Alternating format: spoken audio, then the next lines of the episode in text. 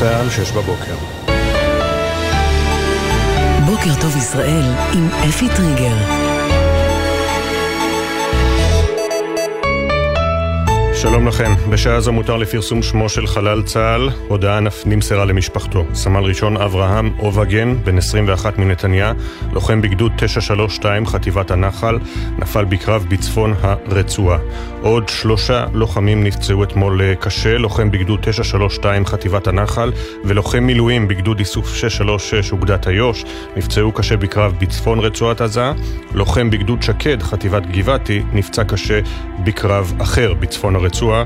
כל הפצועים אה, פונו לקבלת טיפול ומשפחותיהם עודכנו. המגעים לעסקת חטופים, ישראל ממתינה לתשובה מהמתווכים המצריים לאחר שיחותיהם עם ראשי חמאס. אמש התכנס קבינט המלחמה המצומצם ודן במשא ומתן בקהיר ובהכנות לקראת המשך הלחימה ברפיח. מחוץ לדיון בקריה בתל אביב מכרו עשרות בני משפחות חטופים וחסמו את דרך מנחם בגין למשך כשעתיים בקריאה לשגר מיד נציגים ישראלים לקהיר. ההפגנה התקיימה ברקע אמירתו של השר בצלאל סמוטריץ' שטען בריאיון לתאגיד השידור כי החזרת החטופים היא לא הדבר החשוב ביותר. יותר. נועם דן, קרובתו של החטוף עופר קלדרון, אמרה לבוקר טוב ישראל, ייתכן שסמוטריץ' משקף את מה שאומר, שחושב ראש הממשלה. ביבי, הגיע הזמן שתגיד לנו את האמת. או זאת ממשלת חירום שהמטרה שלה לחלץ את החטופים, או שבעצם סמוטריץ' אומר את מה שאתה חושב, שהחטופים הם לא הכי חשובים, ואתה מתכוון להקריב אותם. אנחנו יודעים שיש אפשרויות, אבל אתה גורר רגליים. שני סנטורים אמריקנים מהמפלגה הדמוקרטית מביעים אופטימיות בנוגע להשגת הסכם לשחרור חטופים והפסקת הלחימה בעזה לפני חודש הרמדאן. בריאיון לסוכנות הידיעות רויטרס אמרו הסנטורים ריצ'רד בלומנטל וקריס קונס שבעקבות דיונים שקיימו עם גורמים מדיניים בישראל ועם עבדאללה מלך ירדן, יש תקווה רחבה כהגדרתם בנוגע להגעה להסדר בשבועות הקרובים. השניים נפגשו שלשום בלשכתו של נתניהו עם ראש הממשלה. עוד הוסיפו הסנטורים שכדי שעל ישראל להגן על אוכלוסייה אזרחית ולאפשר לפלסטינים עקורים בלתי מעורבים ישוב מחדש לפני כל התקדמות ברפיח. כלי טיס של חיל האוויר תקף חוליית מחבלים שירתה לעבר כוחות צה"ל במחנה הפליטים ג'נין, לראשונה אחרי כמה שבועות ללא תקיפות אוויריות ביהודה ושומרון. המחבלים תקפו את הכוחות שפשטו על מחנה הפליטים במהלך פעילות מעצרים. כמה מחבלים חוסלו וכמה נפצעו בחילופי אש עם הלוחמים. אין נפגעים ישראלים.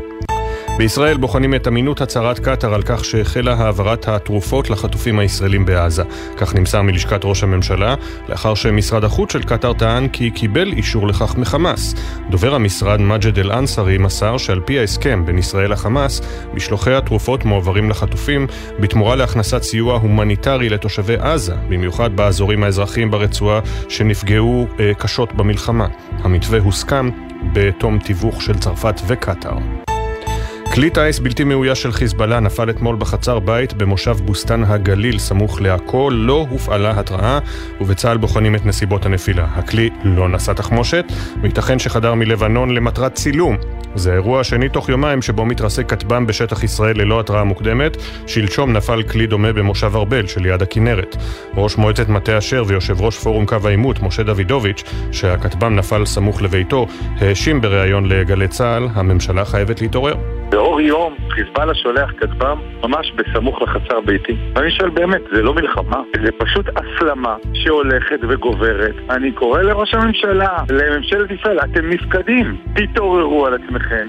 ומוקדם יותר אמר שר הביטחון יואב גלנט בשיחה עם חיילים ממערך ההגנה האווירית, המשוואות של חיזבאללה קרסו. אנחנו במלחמה בדרום, אבל אנחנו פוקחים עין. חיזבאללה חשב שהוא יסדר משוואות. כל המשוואות האלה קרסו. כשחיל האוויר וצה"ל מחליטים לתקוף בדמשק, בביירות, בצידון, בכל מקום, דוח רשמי הסוקר באופן נרחב את פשעי המין שביצעו מחבלי חמאס ב-7 באוקטובר מתפרסם הבוקר בישראל. מהדוח של ארגוד מרכזי הסיוע לנפגעות ונפגעי תקיפה מינית עולה שהאלימות המינית במהלך הטבח הייתה מכוונת ושיטתית. הפשעים בוצעו במסיב... במסיבות בדרום, ביישובי העוטף, בבסיסי צה"ל, ונמשכו נגד חטופות וחטופים בשבי ברצועה. בעדויות שנאספו ממחלצים מהזירות ומהליך זיהוי הגופות עלו דפוסים של אונס ופגיעה מינית בגברים ובנשים.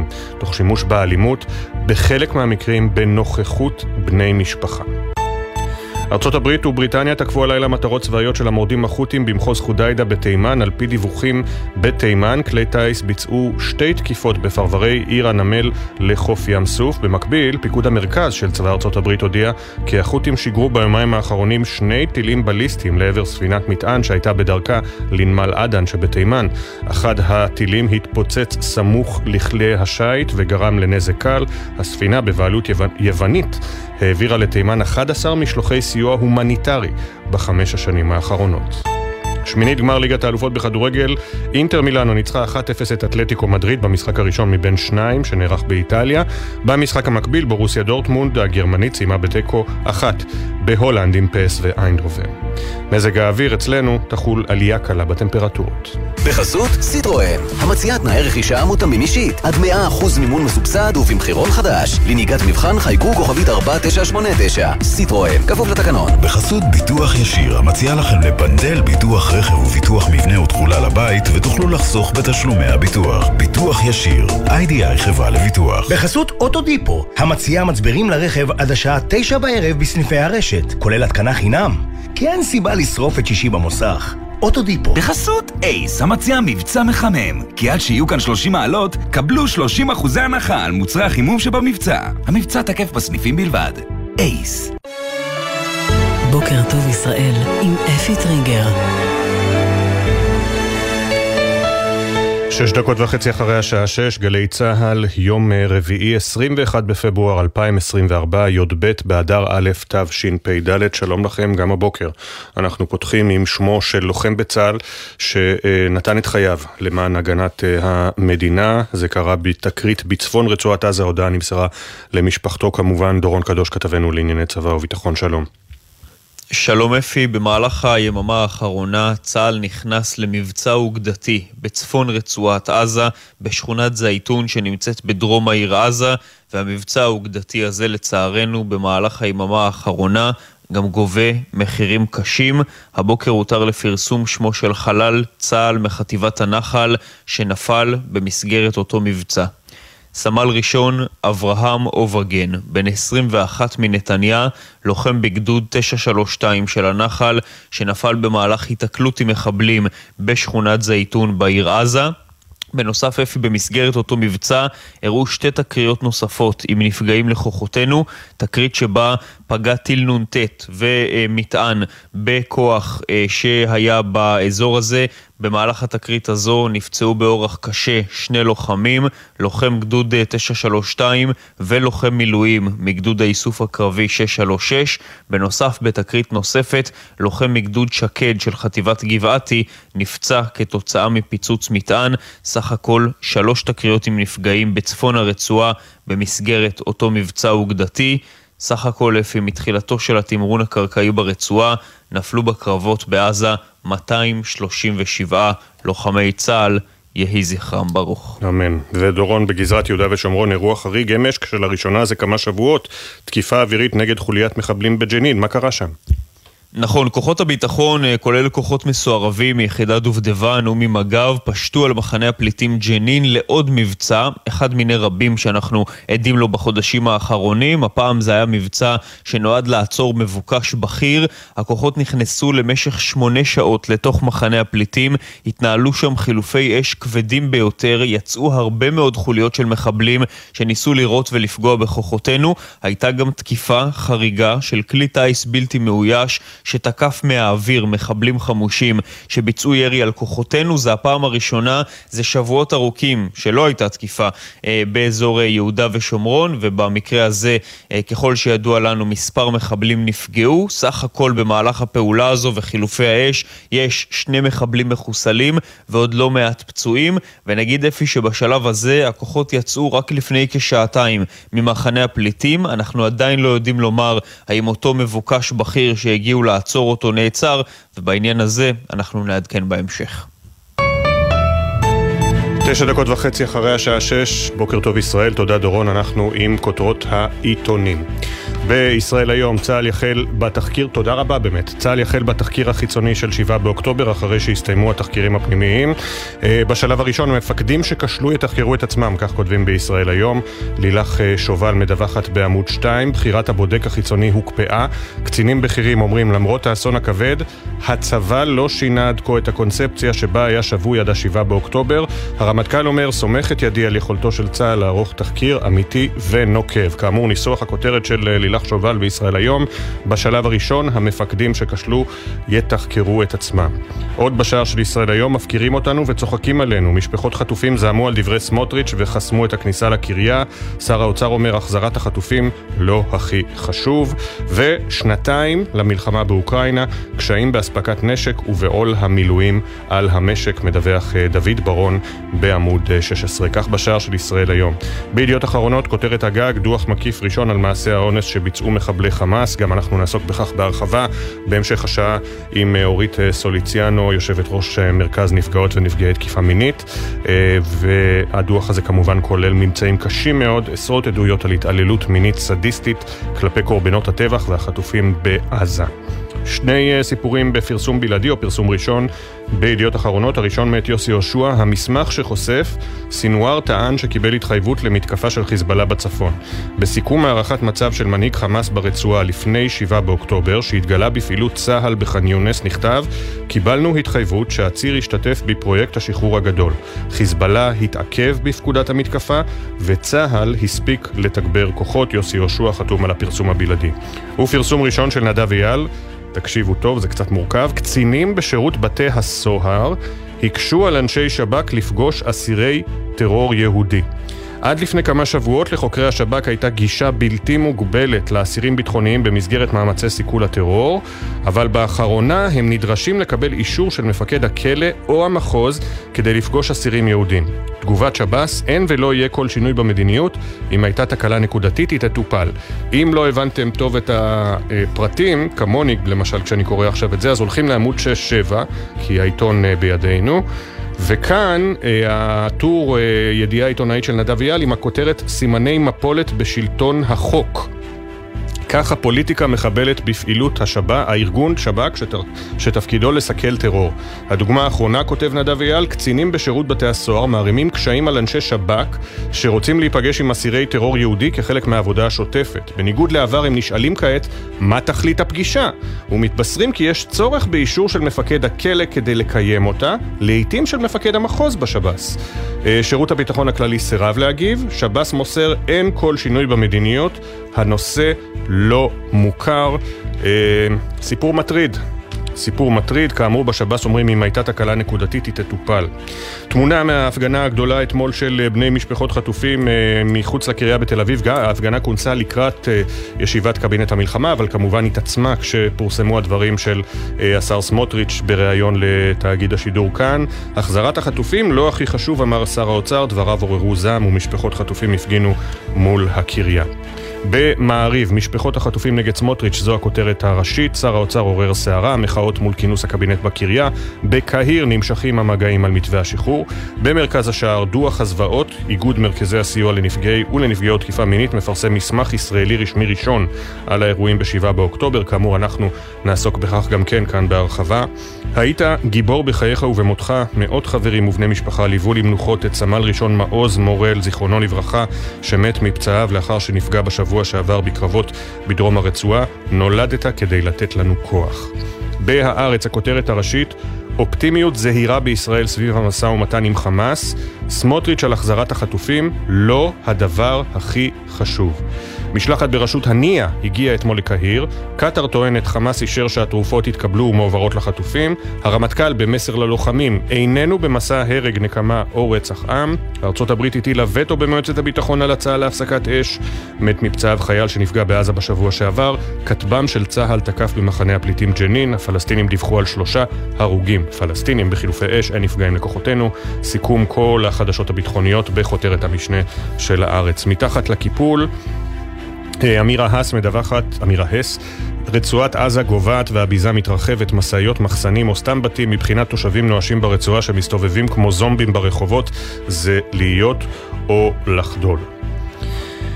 בג'רוזלם פוסט, הכותרת uh, הראשית עם תמונה מהלווייתו של uh, סמל uh, ראשון מעוז מורל, זיכרונו לברכה, אתמול בהר הרצל בירושלים, תמונה שצילם יונתן סינדל עם חבריו ובני המשפחה האבלים.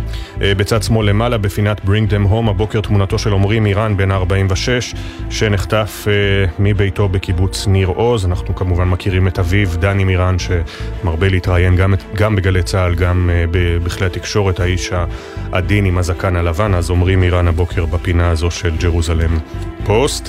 והכותרת מימין, US Envoy McGurk to arrive for talks on hostages and Rafah.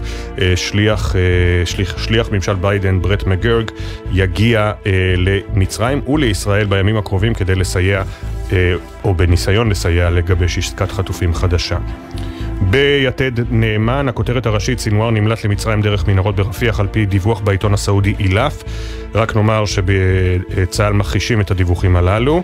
מי לשם אלינו, עדים נרחבים לקריאת מרנן ורבנן, חברי מועצת גדולי התורה וראשי הישיבות הקדושות, ובראשם רבנו מרן הגאון רבי דוב לנדו שליטה.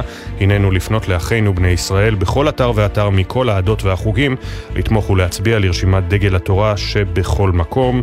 אה, כאמור, בעיתונים החרדים כבר מרגישים את הבחירות המקומיות, יום שלישי הבא במלוא המרץ, ונאמר גם שלמי שיש ילדים בבית, אז גם בימי רביעי מופיע העיתון אה, יתד שלנו, העיתון לילדים ולבנות הנעורים אה, של יתד נאמן. אנחנו בהמשך נחזור עם כותרות אה, עיתוני הכלכלה וסיפורים מהרשת, אבל בינתיים אם יש לכם שפעת או אתם מכירים מישהו שיש לו שפעת, תישארו איתנו.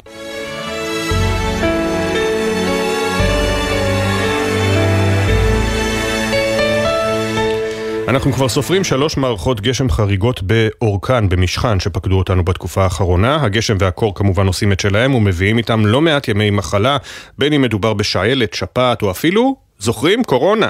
קשה מאוד להתחמק ממחלות החורף הזה. איתנו הדוקטור יאן מיסקין, מומחה ברפואת המשפחה ומחלות זיהומיות, זיהומולוג ראשי בכללית מחוז ירושלים. שלום לך, בוקר טוב. שלום, בוקר טוב. זיהומולוג זה עברות של אה, וירולוג?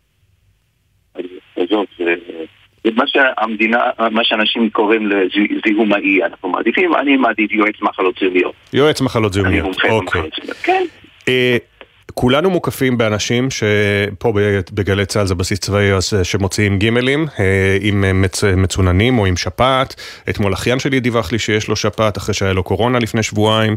אה, גם לאחי הגדול הייתה שפעת בשבוע שעבר, איכשהו אני עוד התחמקתי, אבל התחושה היא שבאמת יש תחלואה עודפת יותר מבעבר. גם אתם רואים את זה בנתונים? אנחנו בהחלט רואים את הגל החורפי של שפעת שנמנענו ממנו כמעט ולא ראינו מאז הקורונה, נכנסנו בכוח, הזן הוא מאוד לא נחמד, הוא אחד מהארבע שמכוסים בחיסון, אבל יש לנו ירידה מאוד מאוד גדולה במספר המחוסנים, אז פחות יעיל. כלומר, אם אנשים היו מתחסנים, חלקם לא היו חולים בשפעת בתקופה הזאת. אין לנו ספק, המדביקים הטובים הם ילדי גנים ובתי ספר יסודיים שנכנסים פחות חולים ויוצאים יותר חולים מבית ספר ואז באים להדביק את המשפחה, שם אנחנו רואים ירידה של כמעט 20% בשיעורי ההתחסנות. הזכרתי בפתיח שעלת, אה, תסביר. שעלת זאת מחלה שהיא באה בגלים כל פעם אלינו, החיסון, מי שהכי נפגעים זה ילודים ולכן אנחנו מחסנים את האימהות שיעבירו להם הגנה בחודשים הראשונים של החיים. אנחנו מחסנים ארבע פעמים בשנת חיים הראשונה ועוד uh, פעם אחת בערך בכיתה ב'. אבל החיסון הזה הוא טוב בערך לשלוש שנים. זאת אומרת, רוב מדינת ישראל לא מחוסנת לשעלת, מגיעה שעלת, זו מחלה חיידקית, היא מדביקה אותנו במין נזלת כזה, ואחרי זה שבוע-שבועיים אנחנו משתעלים חודש. או-אה. וכאמור אמרת שהנתון המדאיג הוא ירידה בכמות המתחסנים. בשנה שעברה כשעשינו את הדיון הזה, אני לא זוכר אם זה היה איתך או עם מישהו אחר, העליתי את התיאוריה שאנשים, אה, אה, כמו שקוראים לזה גם בעולם, קורונה, קוביד פתיג, עייפות קורונה, שאנשים אומרים די, נו, התחסנתי לקורונה, לא צריך חיסון שפעת. אתה מכיר את זה? לחלוטין, זה, זה אחד הדברים, אבל יש עייפות כללית. אם אנחנו רואים, דיברת פה על שפעת, אבל אנחנו רואים מתחס... ירידה בהתחסנות בדברים עוד יותר מסוכנים, כמו חצבת, וחצבת זו מחלה עם תמותה של אחד לאלף, ואנחנו רואים את זה לכל הרוחב שיש פחות אנשים מתחסנים, כולל חיסוני טיפת חלב.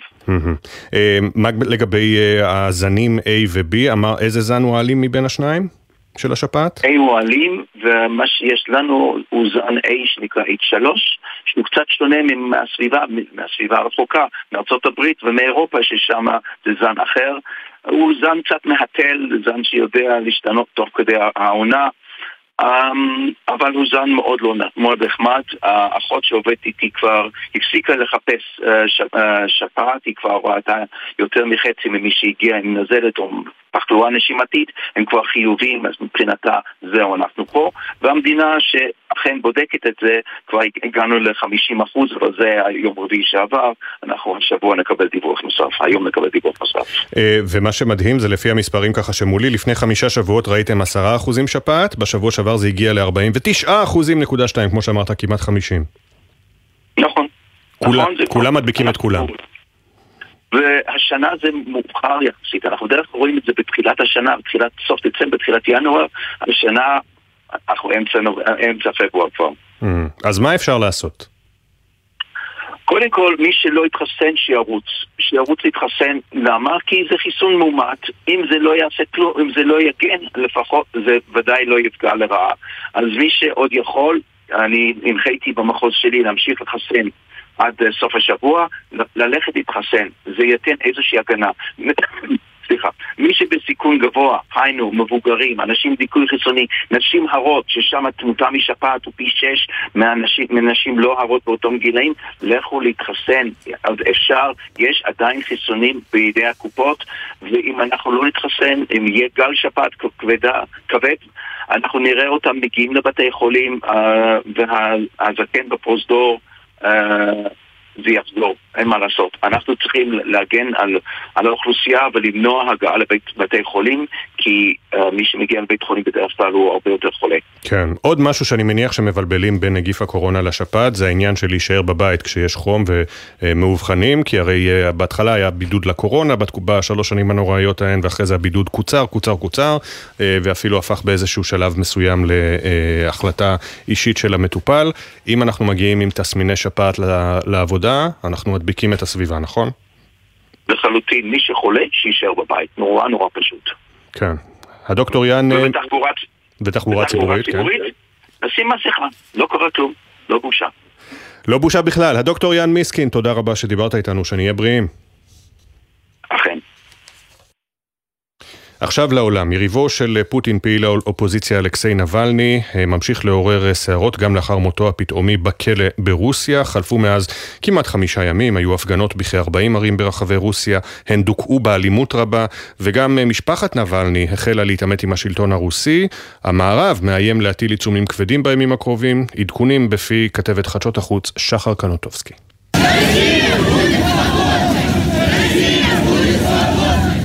גם הבוקר רחובות רוסיה עדיין מסרבים לשקוט. המונים יוצאים להפגין, קוראים לשלטונות לספק הסברים למותו הפתאומי של מנהיג האופוזיציה אלכסיי נבלני, ובמקום להיענות, נלקחים למעצר.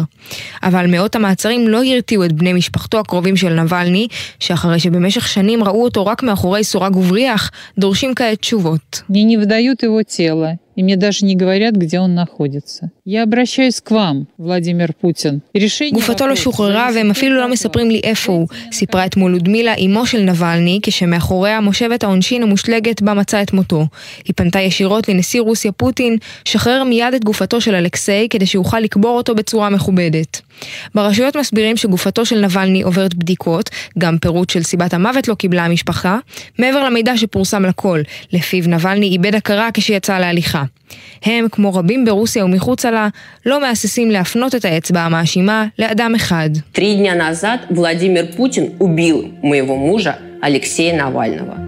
ולדימיר פוטין הרג את אלכסיי נבלני, את בעלי, את אבי ילדיי, האשימה רעייתו של אלכסיי, יוליה. איתו פוטין רצה להרוג את התקוות שלנו, את החופש שלנו. ההצהרה הנוקבת של יוליה צולמה ככל הנראה מחוץ לגבולות רוסיה, ולא סתם. ברוסיה כבר החלו לרדוף אחרי בני משפחה נוספים, בראשם אולג נבלני, אחיו הצעיר של אלכסיי, שצורף אתמול לרשימת המבוקשים של רוסיה בגין אישומים שלא פורסמו. גם דבריה של יוליה הספיקו לעורר זעם בקרמלין.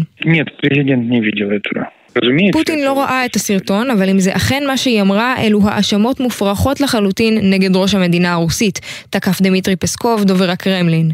במספר מדינות הספיקו לקרוא לחקירת נסיבות מותו של נבלני, או אפילו לזמן את השגרירים הרוסיים לנזיפה, ואמש הודעה ראשונה בבית הלבן על חבילת עיצומים רחבה שתוכרז ביום שישי.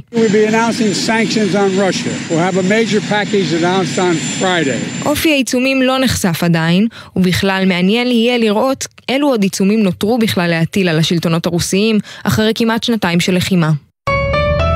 6.25 כותרות אה, כלכליות ועניינים אה, כותרות מהרשת. נתחיל בכלכליסט, בלעדי לכלכליסט, עימות בין מנהלת תקומה לאוצר על מימון מענקי החזרה לתושבי העוטף. שלמה טייטלבאום מדווח, מתווה המענקים לתושבי שדרות ועוטף עזה שיחזרו לבתיהם ידרוש תוספת של 600 מיליון שקל שאינם כלולים בהצעת התקציב. תוספת כזו אחרי הגשת התקציב מעידה על רשלנות בבנייתו או על שר אוצר לחיץ מאוד. באוצר מתעקשים שהכסף יגיע משלושת מיליארד השקלים של מנהלת תקומה ולא מקיצוץ קיצוץ רוחבי. בתקומה טוענים כי המענקים אינם שיקום, ולא יבואו מתקצוב, מתקציבה שמיועד לפעולות אחרות, כאמור הפרטים המלאים בעמוד 6. יש גם ידיעה בלעדית של גולן חזני, התעשייה האווירית ופורמולה בוחנות הנפקה של TSG, שתי השותפות בבעלות בחברה שעוסקת בפיתוח מערכות מחשוב למגזר המוניציפלי והביטחוני, רוצות להנפיק אותה ב-400 מיליון שקל, רכשו אותה ב-2016 ב-50 מיליון דולר. בגלובס, הכותרת הראשית, הלובי עבד שעות נוספות וסוכני הביטוח בדרך לקבל עוד כוח וסמכויות, מדווח רועי ויינברגר, בזמן שרשות רשות ניירות הערך בודקת ליקויים בהתנהלות של סוכנויות ביטוח גדולות. הלובי של הסוכנים בכנסת מקדם בוועדות הכלכלה והכספים שורה של תקנות וחוקים, בהם חיוב הגופים המבטחים לעבוד עם כל סוכן, חשיפת נתוני לקוחות לנציגי שירות ללא רישיון מקצועי והפחתת השקיפות בעמלות. הפרטים המלאים בעמוד 2 בגלובס. דין שמואל אלמאס מספר על מערכת המנהרות של חיזבאללה שמסוכנת יותר משל חמאס, על פי תחקיר צרפתי, חופרים 15 מטר אה, בחודש, אה, זה היה פרסום בעיתון הצרפתי ליברסיון, ודין שמואל אלמאס בגלובס מביא את הפרטים בעמוד אה, 8. הנה ציטוט של פרידריך ניטשה לפתיחת היום, אדם שופט עצמו לפי הכוונות שלו, אחרים לפי ההישגים שלהם. בדה מרקר, משבר העסקים הקטנים, זינוק בהצעות מכירה, מרכאות במחירי שחיטה, סגור מרכאות. אה, המלחמה הביאה לירידה בפעילות של עסקים רבים, רובם המכריע עסקים קטנים. בחודשיים האחרונים פורסמו מודעות למכירת 1,191 עסקים, עלייה של 162% לעומת התקופה המקבילה בשנה הקודמת. הענף עם מירב העסקים למכירה, הסעדה. הריבית הנוכחית גומרת את הלווים, אומרים לעדי דוברת. מתווכים ואנשי עסקים מספרים כי ההיצע הגדול הביא לירידת מחירים, אבל לא לעסקאות בפועל. הפרטים בעמודים 2-3 בדה מרקר. ואיריס ליפשיץ קליגר מספרת בממון ידיעות אחרונות שהישראלים מסתערים על, על הגנרטורים. מן הסתם כל אלה שקיבלו בוואטסאפ את תרחיש העלטה בעקבות מלחמה עם חיזבאללה, אזהרה שרצה, אה, אזהרת אה, תרחיש הכי גרוע שיכול להיות, כמובן לא בטוח שזה יקרה, אבל אה, זה בהחלט הקפיץ את הישראלים לקנות גנרטורים. לפני שנצא להודעות, אני רוצה לספר לכם שני דברים, שניהם קשורים ל-BBC, אבל הפעם אנחנו לא כועסים עליהם. הראשון, שלשום בתוכנית התחקירים היוקרתית שלהם פנורמה, שודר תחקיר על המערכת הפיננסית, המערכת הכלכלית הענפה של חמאס, שאפשרה לממן את אה, פעולות השבעה באוקטובר ואת חפירת המנהרות. תחקיר מרתק, חצי שעה, כולל אה, מרואיינים ישראלים אה, וממצאים לגבי חברות הקש שלהם ברחבי העולם. יש להם אימפריית נדל"ן בטורקיה למשל לחמאס, אז אתם מוזמנים לחפש את התחקיר הזה ביוטיוב. ואפרופו הכתבה של שחר קנוטובסקי, יש סדרת תיעודית של ה-BBC שנקראת פוטין פוטין versus the West, פוטין נגד המערב, שמתעדת את כל, אה, את כל המאבקים שלו עם המערב. מה שמיוחד בסדרה הזו זה שכל האנשים שמדברים בה הם גדולי מנהיגי העולם בשנים האחרונות. יושבים שם אולף שולץ, אנגלה מרקל, אה, עמנואל מקו, כמו אה, עדי, עדי ראייה בסרט יהודי, ומדברים ומספרים על כל מה שקורה מול פוטין, כולל הצד הרוסי, פשוט מרתקת, פוטין versus the West, סדרת תעודה לכל מי שרוצה להעמיק בסכסוך הזה. חפשו אותם ביוטיוב, אני מניח שזה זמין כי זה לא חדש. יוצאים להודעות, מיד חוזרים.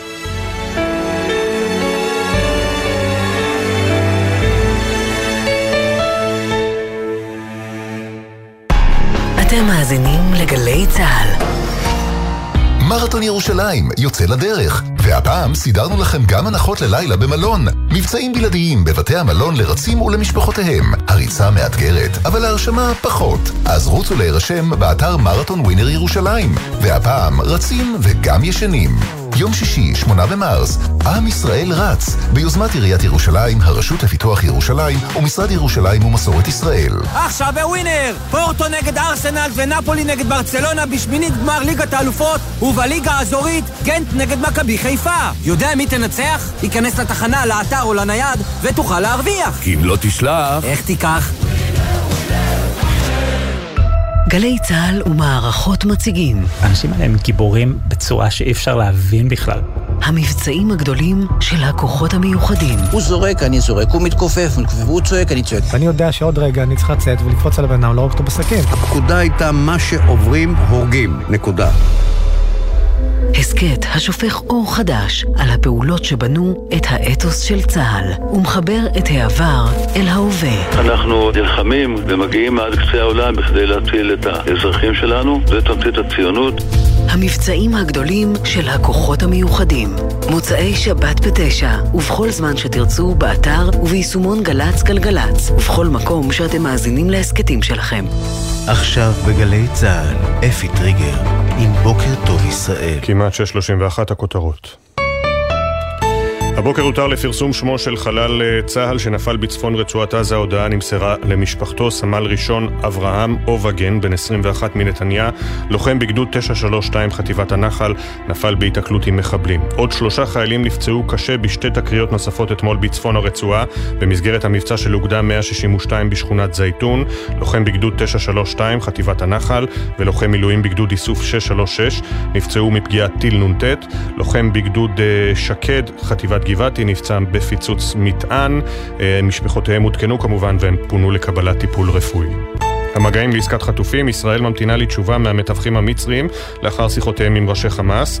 אמש התכנס קבינט המלחמה המצומצם ודן במשא ומתן בקהיר ובהכנות לקראת המשך הלחימה ברפיח. מחוץ לדיון בקריה בתל אביב מחו עשרות בני משפחות חטופים וחסמו את דרך מנחם בגין למשך כשעתיים בקריאה לשגר מיד נציגים ישראלים לשיחות בקהיר.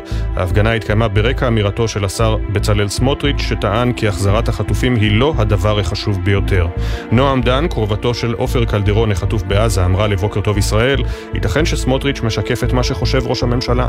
ביבי, הגיע הזמן שתגיד לנו את האמת. או זאת ממשלת חירום שהמטרה שלה לחלץ את החטופים, או שבעצם סמוטריץ' אומר את מה שאתה חושב, שהחטופים הם לא הכי חשובים, ואתה מתכוון להקריב אותם. אנחנו יודעים שיש אפשרויות, אבל אתה גורר רגליים.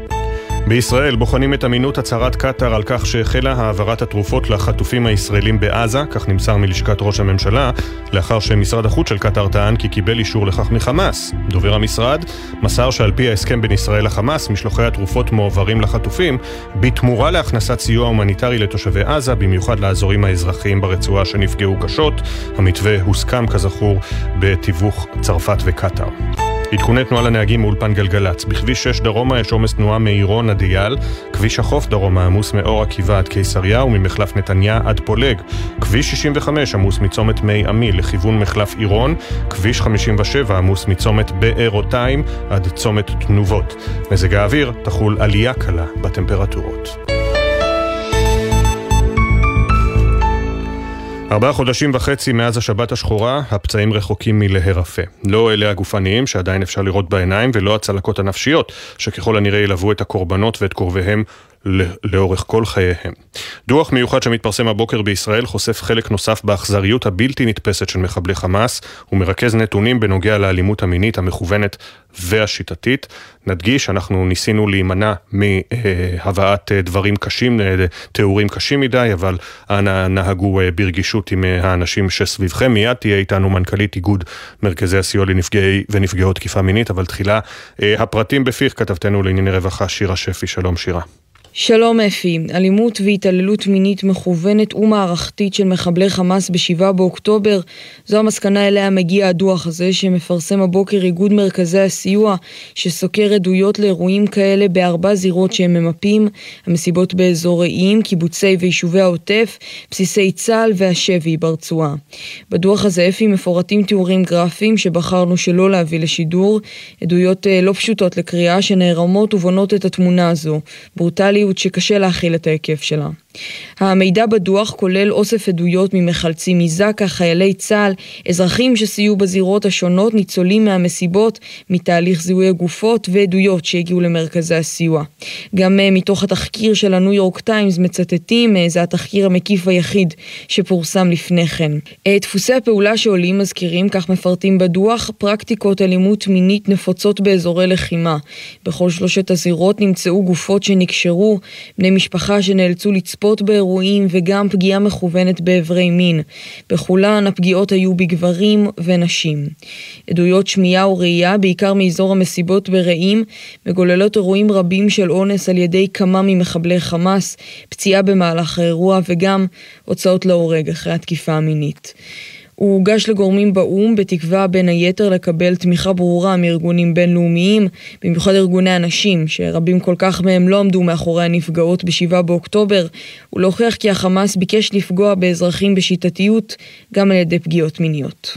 תודה שירה, כאמור אנחנו נזהרים מאוד, אני שוב אה, אשמיע את האזהרה כי אנחנו עוסקים בדוח החשוב מאוד הזה שנועד לפקוח את עיני העולם. אם uh, אתם מרגישים שלידכם ילדים או אנשים שלא צריכים לשמוע את הנושא הזה, אנא נהגו ברגישות, גם אנחנו נוהגים איתכם ברגישות. אורית סוליציאנו, מנכ"לית איגוד מרכזי הסיוע לנפגעות ונפגעי תקיפה מינית, שלום לך, בוקר טוב. בוקר טוב. הנה הדוח הזה מתפרסם הבוקר, אה, דוח רשמי ראשון על מה שקרה אה, בשבעה באוקטובר, וכמו שתיארת את זה בעבר, גם בשיחות איתנו כאן, זה החל כטפטוף עוד בשבוע הראשון כשכל המדינה הייתה בהלם, אבל מאז זה הפך למבול, מבול של עדויות על, ש... על הזוועות. אה, אכן כן, אנחנו כבר באיגוד מרכזי הסיוע קיבלנו מידע ביום היומיים הראשונים, ואחר כך זה הפך למבול, ואני כן רוצה לומר שהמציאות שלנו עוד תתפתח. הנושא הזה מאוד רגיש, וכמובן אתה מאוד יפה איך שאתה ככה ציינת בשידור, ואני גם לא מעוניינת בבוקר להיכנס לפרטים, פרטים קשים מדי. אני חושבת שהמטרה שלנו גם לא הייתה הפרטים, המטרה שלנו הייתה להסתכל על התמונה הגדולה. ויש לנו, ושתי אה, כותבות הדוח, אה, דוק, אה, דוקטור כרמית קלר חלמיש, אה, ראש תחום מחקר באיגוד, ונוגה ברגר, מנהלת התוכן באיגוד והידע. שתי, בעצם המטרה הייתה להסתכל במבט על על כל המידע הגלוי, האמין, הגלוי האמין, לא רשתות חברתיות ולא רק מקורות מידע רציניים ועדויות, וכמובן גם מידע שהיה, הגיע אלינו חסוי. אה, והמטרה הייתה לנסות לנתח ולראות את התמונה הגדולה. והניתוח הוא מאוד מאוד קשה, מכיוון ששוב, אה, בלי להיכנס לקטגוריות, אבל אנחנו בעצם בנינו קטגוריות של סוגי הפרקטיקות שבהם השתמשו הפוגעים, המחבלים, הטרוריסטים המזוויעים האלו, ומה שקשה לראות, אבל מאוד מאוד חשוב לראות, עד כמה זה היה סיסטמטי, זה, הרי בתחילה אני מתארת לעצמי שהכוחות החילוץ הראשונים הגיעו, הם לא הבינו עוד את התמונה הגדולה, הם ראו פה ושם אה, אה, גופות פגועות וכל מיני דברים מאוד קשים בזירות. רק לאט לאט נבנית התמונה.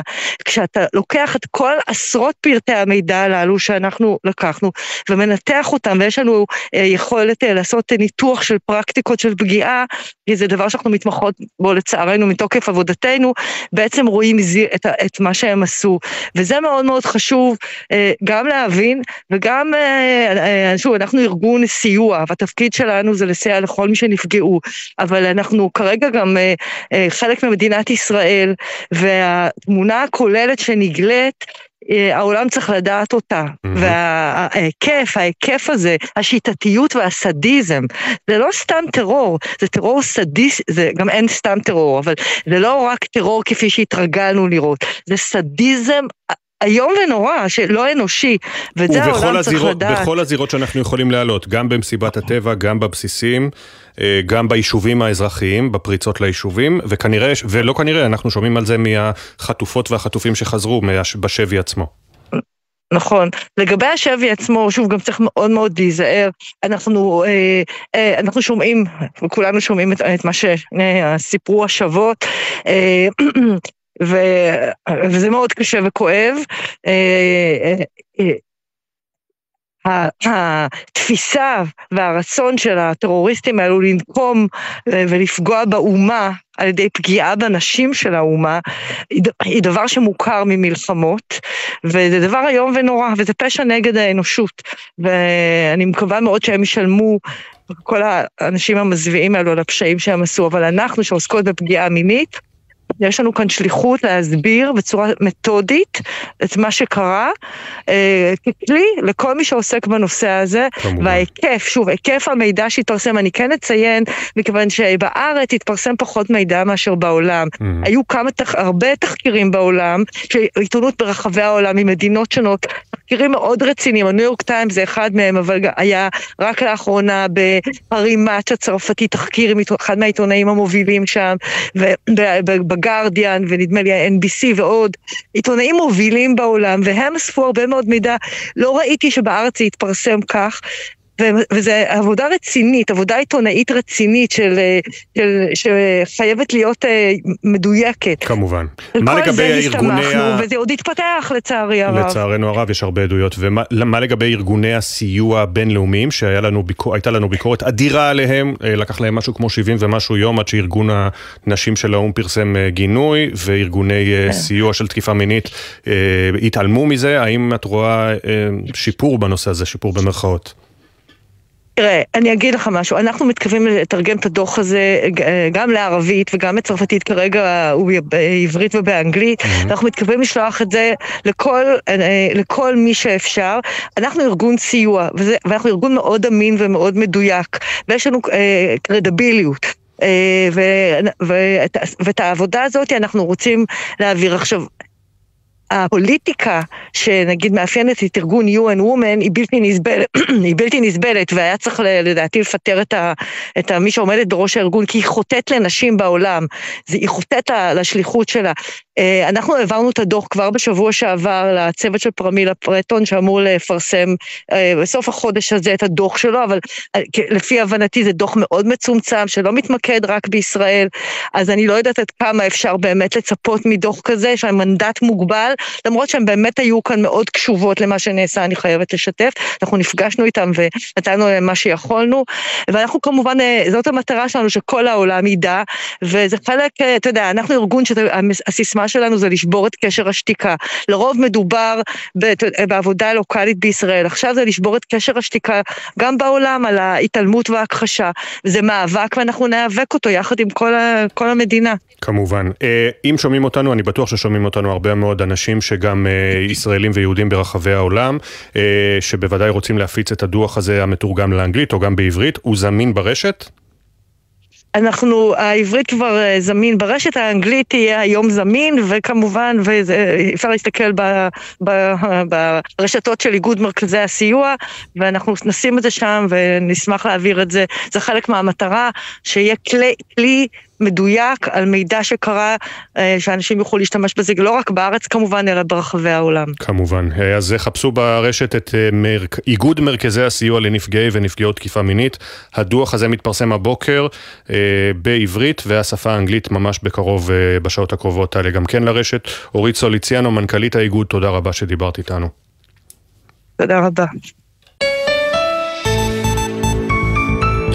בתוך יומיים שני כלי טיס בלתי מאוישים נפלו בעומק שטח ישראל, הם נשלחו מלבנון והתרסקו יחסית רחוק מהגבול והבעיה העיקרית, ללא התראה.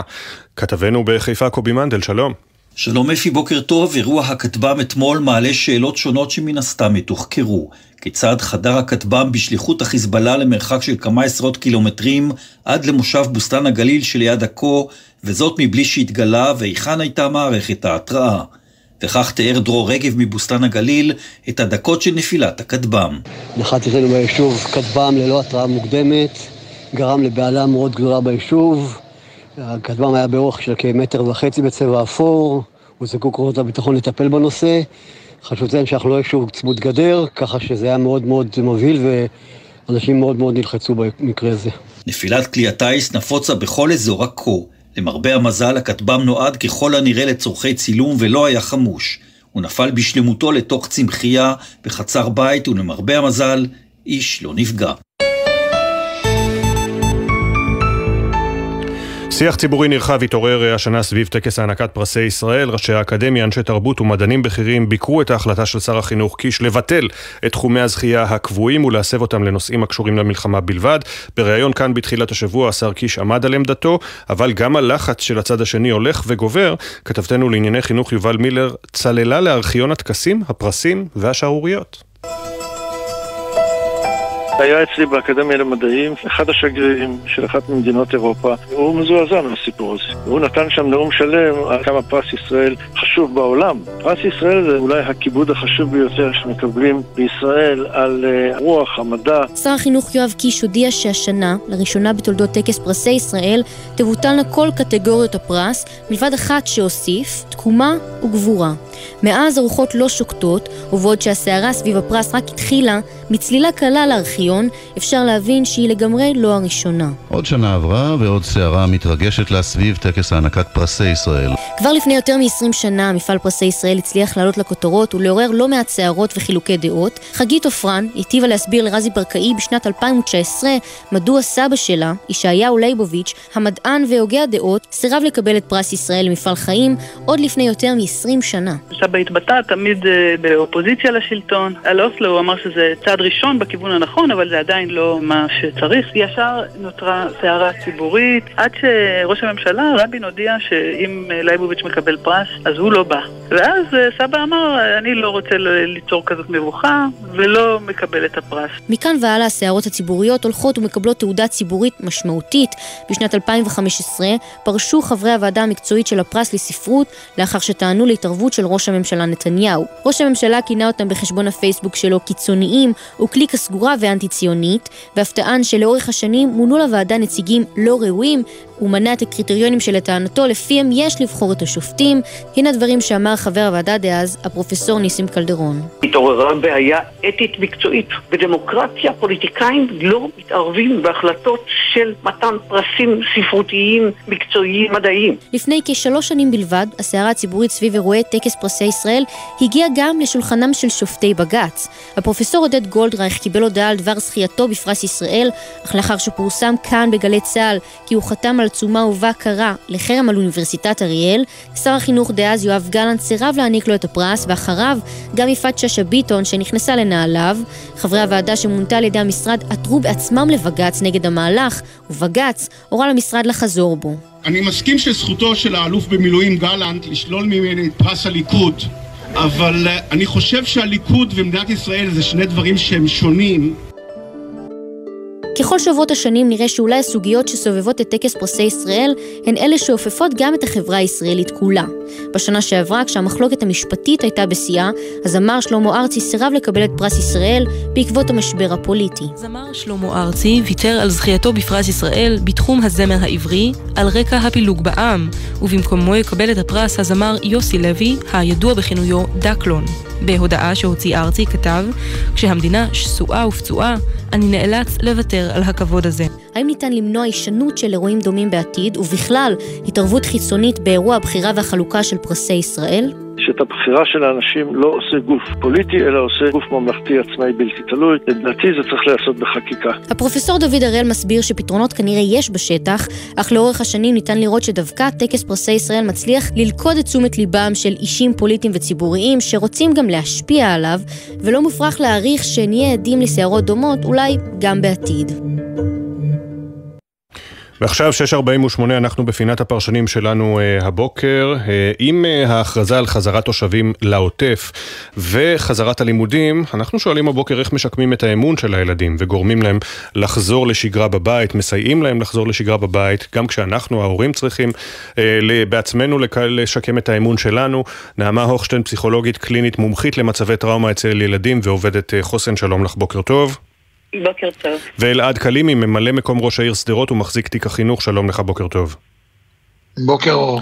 אה, אלעד, אה, ספר לנו על המצב בשדרות. ב-19 בפברואר, שזה שלשום, הוחזרו הצוותים החינוכיים לעיר, נכון?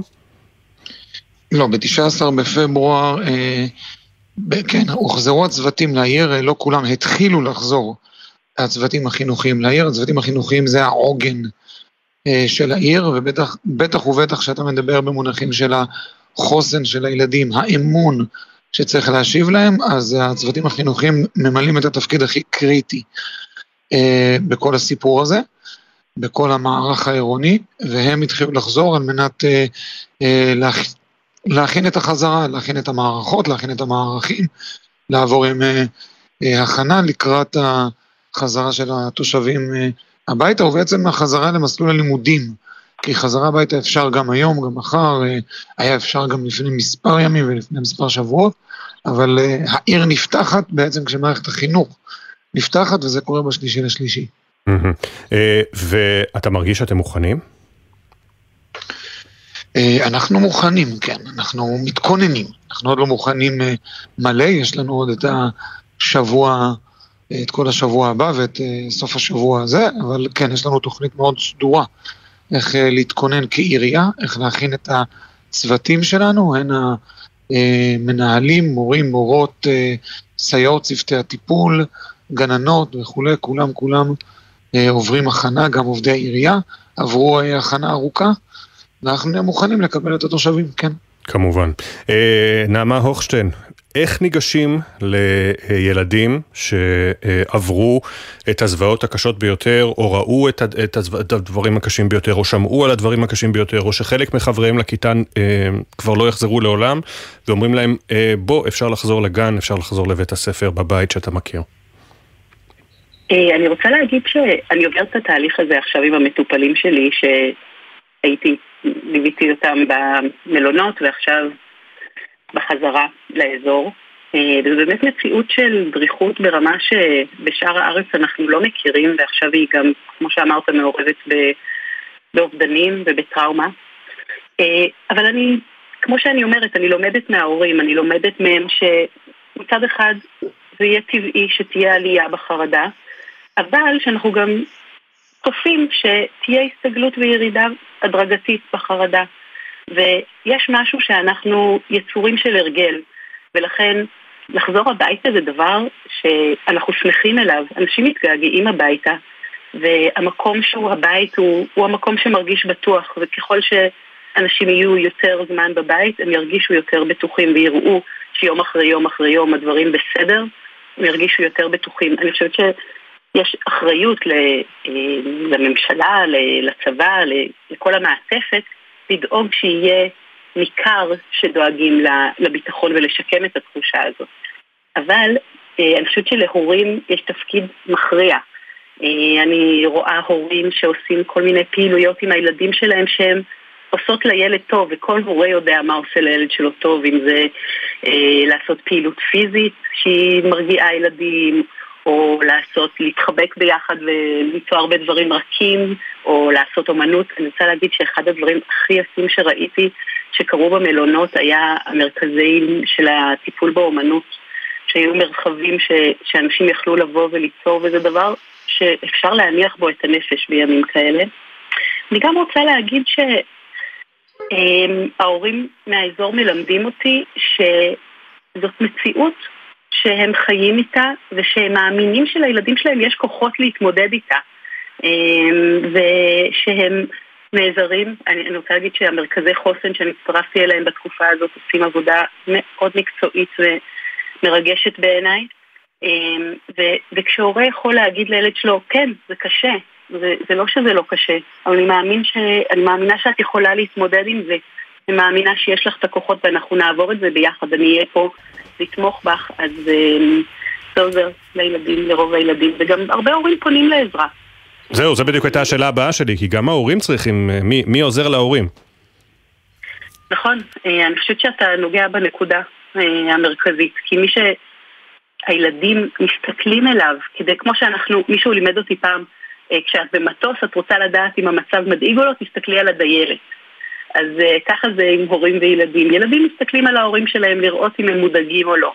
אז מי שאנחנו צריכים לעזור לו להרגיש בטוח זה ההורים. אני רוצה להגיד גם שאני חושבת שאחד מהדברים שאני אה, שואבת ממנו כוח בתקופה הזאת זה לראות שאכפת מה... בישראל, מהאינדיבידואלים, אכפת לנו מכל אחד ואחד שנפגע. אה, ואחד מהדרכים שהממשלה שלנו צריכה לעשות את זה זה בלהראות לנו שהם אה, עושים הכל כדי להחזיר את החטופים. זה דבר שמשפיע על המצב רוח של כולנו ועל הכוחות של כולנו להתמודד עם מה שצריך להתמודד. אני רוצה להגיד עוד משהו, וזה שאני פוגשת סדרותים אה, מגוונים. יש תושבי שדרות שהם יהודים ויש תושבי שדרות שהם ערבים ויש תושבי שדרות שהם פליטים והם כולם נפגעו באותה צורה. ושוב, בעיניי האחריות שלנו כ... אה, כחברה זה לדאוג לכל האנשים האלה בצורה שהיא אה, עיוורת צבעים, כמו שהפוגעים היו עיוורי צבעים כשהם פגעו, והטילים הם עיוורי צבעים כשהם פוגעים. Mm-hmm. כואב לי כשאני רואה שזה לא ככה. כן. אה, אלעד, אה, אנחנו חוזרים אליך, אלעד קלימי, ממלא מקום ראש העיר שדרות. בשלושה במרס מערכת החינוך כולה בשדרות תיפתח, אבל כידוע, אה, על פי המתווה שסוכם עם אה, ראשי הרשויות, איתכם, אז uh, התושבים שמחליטים להישאר במלונות עד יולי יישארו. איך זה יעבוד מבחינת מערכת החינוך? ראשית זה מאתגר. אני רוצה להגיד, אבל יש אמירה, האמירה שאנשים יישארו במלונות היא אמירה חשובה. כלומר, שהם יכולים להישאר. כי האמירה בעצם אומרת, אנחנו לא כופים עליך, אנחנו נותנים לך את הקצב שלך. אה, כמערכת גדולה, אתה, אה, יש, יש לך אבא, יש לך אימא, אתה, יש לך על מי לסמוך. וזה דבר מאוד מאוד חשוב גם בהיבטים של החוסן והיכולות התמודדות. אה, כן, זה יהיה מאתגר, ואני נפגש עם אה, אה, תושבים בכמה ימים האחרונים שהעלו הרבה, הרבה צרכים ושאלות. איזה מענה חינוכי נתן להם במלונות, שזה סוגיה אה, כבדת משקל, או איזה מענה שירותי יינתן להם במלונות, חלק מהמלונות רוצים כבר לפנות את, התוש... את התושבים, להעביר אותם אה, למלונות אחרים כדי לרכז אותם וכולי. וזה סוגיות שאנחנו בשיח, גם בתביעה מול, תביעה לא משפטית, הכוונה בדרישה, מול משרד החינוך, ובשיח איתם כדי לראות את ה... כדי לראות את האפשרות ואת היכולות, אין, אי אפשר לתת הכל, אבל אפשר לתת חלק מהדברים, וזה חלק ממה שאמרה אה, מקודם אה, אה, נעמה, שבן אדם צריך להרגיש שעושים למענו את הכל. כי כשהוא מרגיש שעושים למענו את הכל, אז זה נותן לו את היכולת, את היכולת להחזיק. זה לא מרחמים עליו, אנחנו לא כל היום בהכלה, אנחנו תובעים ממנו, אנחנו דורשים ממנו, זה משדר לנו, אנחנו מאמינים במה שהוא יכול, אבל אנחנו גם נותנים לו את כל העטיפה שהוא צריך. כן. כל העטיפה שהוא צריך, זה, זה אה, מימד מאוד חשוב ביכולת שלו להתמודד. כמובן. אנחנו לפני סיום, משפט אה, לסיום להורים שמקשיבים לנו, לילדים שמקשיבים לנו, נעמה אוכשטיין. אני צריכה להגיד להורים שאתם יודעים מה הילדים שלכם צריכים, ואתם תסתכלו על כל ילד ותדעו מה הוא זקוק מכם, איזה סוג של ליווי. אנחנו נלמד את זה מכם.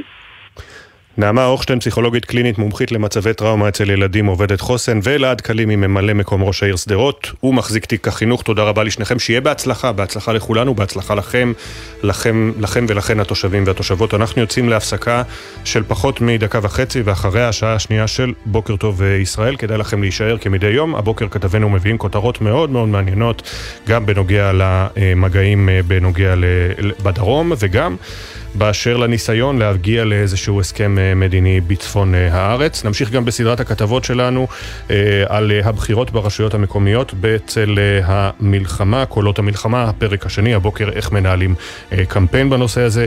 יהיה איתנו הדוקטור אייל חולטה, לשעבר ראש המל"ל, ואביה של החטופה לירי אלבג אלי יגיב על הדברים של בצלאל סמוטריץ' ועל הדיווחים על כך שמתחילים להתניע שוב אולי משא ומתן בקהיר. היום הוא היום המאה 38 למלחמה. בוקר טוב ישראל, השעה השנייה, מיד חוזרים.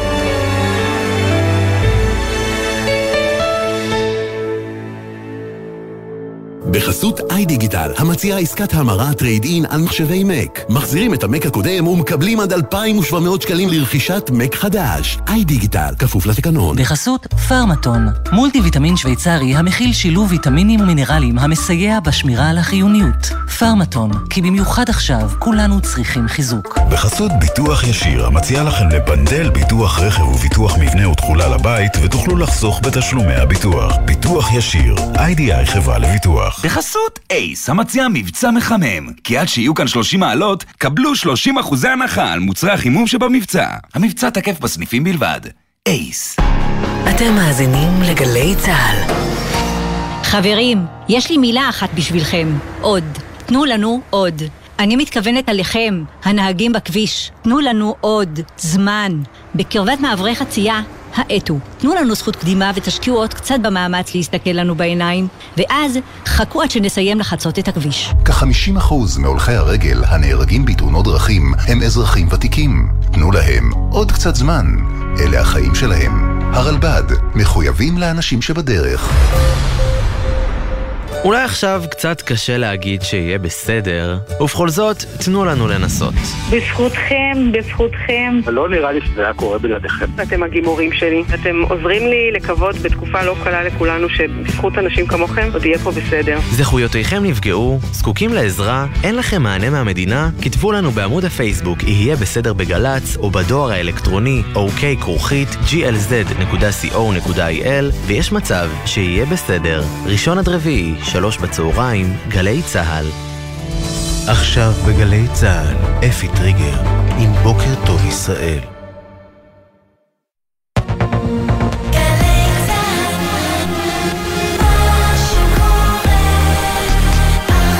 שבע בגלי צה"ל. מנסים להתניע, שוב. אנחנו מאוד רוצים להשיג עוד שחרור, ואנחנו מוכנים גם ללכת כברת דרך. בישראל צפויים להחליט היום האם לשלוח נציגים לפסגה נוספת בפריז, כתבנו המדיני יניר קוזין ידווח. פרשננו ג'קי חוגי יספר על הלחצים שמפעילים בחיזבאללה על חמאס. אמיר בר שלום יעדכן על מעורבותו של יחיא סינואר במגעים, ונהיה עם ראש המל"ל לשעבר אייל חולטה, ועם אלי אלבג, אביה של לירי שנמצאת בשבי חמאס. שני מעוזים, יישוב אחד, חלקה אחת. בתוך החלקה הקטנה הזאת בהר הרצל קבורים שני מעוז, שני בני טלמון שנולדו וגדלו בטלמון. כתבנו הוד בראל יביא את סיפורם של מעוז פניקשטיין שנפל בעזה לפני חודשיים, ומעוז מורל שהובא אתמול למנוחת עולמים והתגוררו באותו יישוב קטן. קולות המלחמה, סדרת כתבות לקראת הבחירות המקומיות בצל המלחמה בעזה, הבוקר בפרק השני. אתה לא רואה שלטים ברחובות, אנשים לא פנויים רגשית לבצע קמפיין, לא המועמדים וגם לא הציבור. איך מנהלים מסע בחירות כשסדר היום הציבורי השתנה לחלוטין, וגם החשש מההשלכות? הבחירות בעת הזו יהיו הבחירות העצובות ביותר במדינת ישראל. כתבנו שי ישראל דיבר עם המועמדים והיועצים. וגם, המילואימניקים חוזרים ליציעים ומגלים שכלום לא השתנה. מגיעים למשחק, וכאילו אתה חווה מלחמה. כתב הספורט יוני זילברמן שמע את האוהדים שחוזרים משדה הקרב לאקלים הקיצוני של מגרשי הכדורגל בישראל, הקולות בפינת הספורט. בוקר טוב ישראל. בוקר טוב ישראל עם אפי טריגר. שלום לכם, הותר לפרסום שמו של חלל צה"ל שנפל אתמול בקרבות בצפון הרצועה. הודעה נמסרה למשפחתו סמל ראשון אברהם אובגן, בן 21 מנתניה, לוחם חטיבת הנחל בגדוד 932, נפל בהיתקלות עם מחבלים. עוד שלושה לוחמים נפצעו אתמול קשה בשתי תקריות בצפון הרצועה, במסגרת המבצע של אוגדה 162 בזייתון, לוחם בגדוד 932 חטיבת הנחל, ולוחם מילואים בגדוד איסוף 636 נפגעו מטיל נ"ט, לוחם בגדוד גדוד שקד, חטיבת גבעתי, נפצע בפיצוץ מטען, כולם פונו לקבלת טיפול רפואי ומשפחותיהם עודכנו. במסגרת המבצע האוגדתי בצפון הרצועה, הכוחות פושטים על יעדי חמאס שלא טופלו בשלב הקודם של התמרון הקרקעי, ובהם אתרי ייצור, אמצעי לחימה ומחרטות, ומנהרות תת-קרקעיות שאותרו בעבר אך לא הושמדו. כתבנו הצבאי דורון קדוש יביא את הפרטים המלאים בהמשך בוקר טוב ישראל. המגעים לעסקת חטופים. ישראל ממתינה לתשובה מהמתווכים המצריים לאחר שיחותיהם עם ראשי חמאס. אמש התכנס קבינט המלחמה המצומצם ודן במשא ומתן בקהיר ובהכנות לקראת המשך הלחימה ברפיח. מחוץ לדיון בקריה בתל אביב מחו עשרות בני משפחות חטופים וחסמו את דרך מנחם בגין למשך כשעתיים, בקריאה לשגר מיד נציגים ישראלים לשיחות בקהיר. ההפגנה התקיימה ברקע אמירתו של השר בצלאל סמוטריץ', שטען כי החזרת החטופים היא לא הדבר החשוב ביותר. נועם דן, קרובתו של עופר קלדרון החטוף בעזה, אמרה, ייתכן שסמוטריץ' משקף את מחשבות ראש הממשלה. ביבי, הגיע הזמן שתגיד לנו את האמת. או שזאת ממשלת חירום שהמטרה שלה לחלץ את החטופים, או שבעצם סמוטריץ' אומר את מה שאתה חושב, שהחטופים הם לא הכי חשובים, ואתה מתכוון להקריב אותם. אנחנו יודעים שיש אפשרויות, אבל אתה גורר רגליים. דוח רשמי הסוקר באופן נרחב את פשעי המין שביצעו מחבלי חמאס ב-7 באוקטובר מתפרסם הבוקר לראשונה בישראל. מהדוח של איגוד מרכזי הסיוע לנפגעות ונפגעי תקיפה מינית עולה שהאלימות המינית במהלך הטבח הייתה מכוונת ושיטתית. הפשעים בוצעו במסיבות בדרום, ביישובי העוטף, בבסיסי צה"ל, ונמשכו נגד חטופות וחטופים בשבי ברצועה. בעדויות שנאספו ממחלצים מהזירות ומהליך זיהוי הגופות עלו דפוסים של אונס ופגיעה מינית בגברים ובנשים, תוך שימוש באלימות. בחלק מהמקרים בנוכחות בני משפחה. אורית סוליציאנו, מנכ"לית איגוד מרכזי הסיוע, אומרת בריאיון לבוקר טוב ישראל, לא מדובר בטרור רגיל, אלא באכזריות איומה. כשהכוחות החילוץ הראשונים הגיעו, הם לא הבינו עוד את התמונה הגדולה, הם ראו גופות פגועות, רק לאט לאט נבנית התמונה. השיטתיות והסדיזם, זה לא סתם טרור, זה סדיזם איום ונורא, שלא אנושי. הברית ובריטניה תקפו הלילה מטרות צבאיות של המורדים החות'ים במחוז חודיידה בתימן. על פי דיווחים תימניים, כלי טיס ביצעו שתי תקיפות בפרברי עיר הנמל לחוף ים סוף. במקביל, פיקוד המרכז של הברית הודיע כי החות'ים שיגרו ביומיים האחרונים שני טילים בליסטיים לעבר ספינת מטען שהייתה בדרכה לנמל עדן. אחד הטילים התפוצץ סמוך לכלי השיט וגרם לנזק קל. הספינה, בבעלות יוונית, העבירה לתימן 11 משלוחי סיוע הומניטרי בחמש השנים האחרונות. עכשיו העדכונים מגלגלצ והתחזית. בחסות ביטוח ישיר, המציע לכם לבנדל ביטוח רכב וביטוח מבנה ותכולה לבית, ותוכלו לחסוך בתשלומי הביטוח. ביטוח ישיר, איי-די-איי חברה לביטוח. בכביש 6 דרומה יש עומס תנועה מיוקנעם עד מחלף עין תות בגלל תאונה, בהמשך עמוס מעירון עד אייל. כביש החוף דרומה עמוס מאור עקיבא עד קיסריה וממחלף נתניה עד פולג. כביש 65 עמוס מצומת מי עמי לכיוון מחלף עירון. כביש 57 עמוס מצומת בארותיים עד צומת תנובות. ומזג האוויר תחול עלייה קלה בטמפרטורות. בוקר טוב ישראל עם אפי טריגר.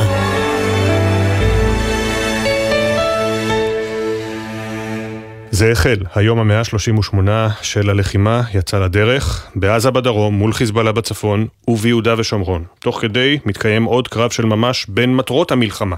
מיטוט שלטון חמאס, השבת החטופים בחיים, איזו חשובה יותר ואיזו פחות, האם הן בכלל סותרות זו את זו, אליבא דאחד מבכירי הממשלה והקולות הבולטים והמשפיעים בה, החזרת החטופים אינה הדבר החשוב ביותר.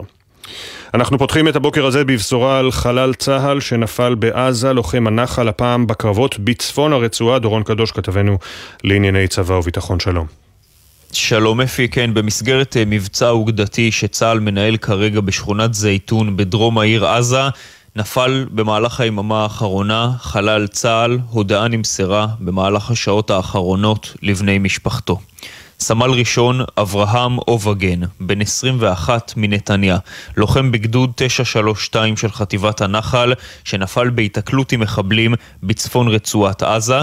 בשתי תקריות נוספות שאירעו גם הן בצפון הרצועה, נפצעו באורח קשה שלושה לוחמים, לוחם נוסף מגדוד 932 של הנחל ולוחם מילואים מגדוד האיסוף הקרבי 636, שניהם נפצעו מפגיעת טיל נ"ט, לוחם נוסף מגדוד שקד של חטיבת גבעתי נפצע כתוצאה מפיצוץ מטען. כל הלוחמים שנפצעו כמובן פונו לבתי החולים לקבלת טיפול רפואי. ודורון, שלושת הקריאות הקשות הללו אירעו במסגרת המבצע האוגדתי של צה"ל בצפון הרצועה. אתה תספר לנו עכשיו עוד פרטים על מטרותיו ומה שהושג עד כה.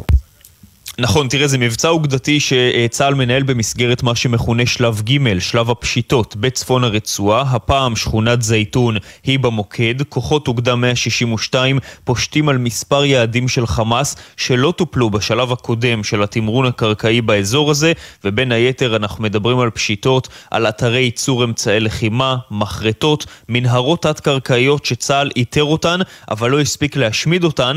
יש עשרות מחבלים, אפי, שחוסלו בקרבות קשים מול חוליות מחבלים רבות שיצאו להילחם באזור, ועוד כעשרה מחבלים שנלקחו בשבי עד כה בשלב הזה. במסגרת אותו מבצע, ונשאר אפי בצפון הרצועה, לא רחוק משכונת זייתון, בג'באליה. בואו נשמע קטע ממה שקרה שם הלילה.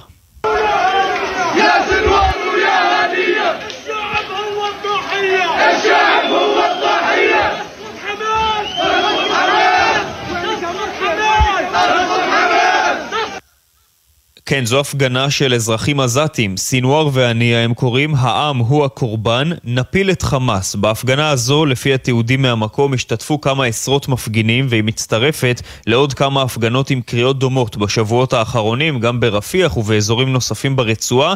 עכשיו, אפי, מה ששונה זה שבפעם הראשונה אנחנו רואים את ההפגנות האלה גם בצפון הרצועה, ושם זה חשוב במיוחד, כי זה אזור שחמאס כבר הוכרע בו, ולכן שם יש הזדמנות עבור ישראל לנצל את הסנטימנט הסנטימנט הזה כדי לנסות ולייצר אולי בקרוב גורם שלטוני אחר כלשהו בצפון הרצועה. דורון, תודה. תודה. 709, קבינט המלחמה דן אמש בהערכות המצב לקראת המשך הלחימה, במתווה שחרור החטופים וגם במשא ומתן בקהיר, כאשר מחוץ לקריה נשמעו זעקותיהם של משפחות החטופים שקראו לשלוח לשיחות נציגים ישראלים. בינתיים ישראל עוד ממתינה לאיתות ממצרים לאחר השיחות שקיימו שם עם ראשי חמאס. כתבנו המדיני יניר קוזין, אתה מספר לנו הבוקר שבישראל כנראה יכריעו היום כיצד אה, ממשיכים מכאן למשא ומתן אם בכלל, יניר. שלום אפי, בוקר טוב. כן, אז אתמול אה, בישיבת הקבינט, כפי שציינת, דיברו על שלל נושאים, גם נושא המשא ומתן לשחרור החטופים, אבל לא התקבלה איזושהי החלטה משמעותית בעניין הזה. הסיבה לכך, ישראל טרם קיבלה את האיתות מהמתווכות, בעיקר ממצרים, באשר לשיחות שמתקיימות עם אה, נציגי חמאס, בראשם כמובן אסמאעיל הנייה בקהיר. אז מה שצפוי לקרות היום, כך אומרים לנו גורמים שמעורים בנושא, ישראל אמורה לקבל איזשהו איתות, להבין איפה חמאס נמצאת, האם היו, היה איזשהו שינוי בימים האחרונים מאז הגיעו אנשי אה, חמאס אה, למצרים, האם השיחות הולידו איזושהי ירידה מהעצים מהדרישות של חמאס, אם כן, אז ישראל תחליט האם להשתתף בפסגת פריז 2, כלומר פסגה נוספת של ראש המודיעין המצרי, ראש ממשלת קטאר, ככל הנראה גם ראש ה-CIA האמריקני ונציגים מישראל, ראש המוסד ואולי אפילו ראש השב"כ, פגישה פגישה נוספת בסגנון מה שהיה בפסגת אה, פריז הקודמת, כאשר בעצם בנו את מסגרת המשא ומתן. פגישה כזאת כמובן יכולה לאותת על התקדמות מסוימת במשא ומתן. גורמים שאנחנו מדברים איתם, אפי, אומרים כי שככל הנראה ישראל אכן תשלח נציגות לפסגה כזאת שצפויה להתקיים ביום שישי הקרוב. בינתיים אנחנו לא רואים בשטח איזה שהן הצהרות משמעותיות, איזה שהם דברים שיכולים להעיד לנו שאכן יש התקדמות. רק הדיבורים הללו על משא ומתן, על פסגה נוספת בפריז, יכולים להעיד במשהו, כי יש בכל זאת התקדמות. נסתכל גם כמובן בלוח השנה, אנחנו מתקרבים לחודש הרמדאן, אפי. נדמה לפחות שיש כאן הכינוס של רצונות, של אינטרסים של כל הצדדים כן להגיע לעסקה בקרוב, בתקווה שאכן הדבר כך יקרה. כאמור, היום, במהלך היום ישראל תחליט האם להשתתף בפסגת פריז 2 ולאותת יש עוד על מה לדבר. תודה יניר, ושימו לב לזה, הדרישות של חמאס במגעים לעסקת חטופים כבר הוגדרו בישראל כהזויות ובלתי סבירות. קטאר ומצרים לוחצות על חמאס כדי לשכנע אותו להתגמש, במיוחד בכל הנוגע למספר האסירים הביטחוניים שישוחררו.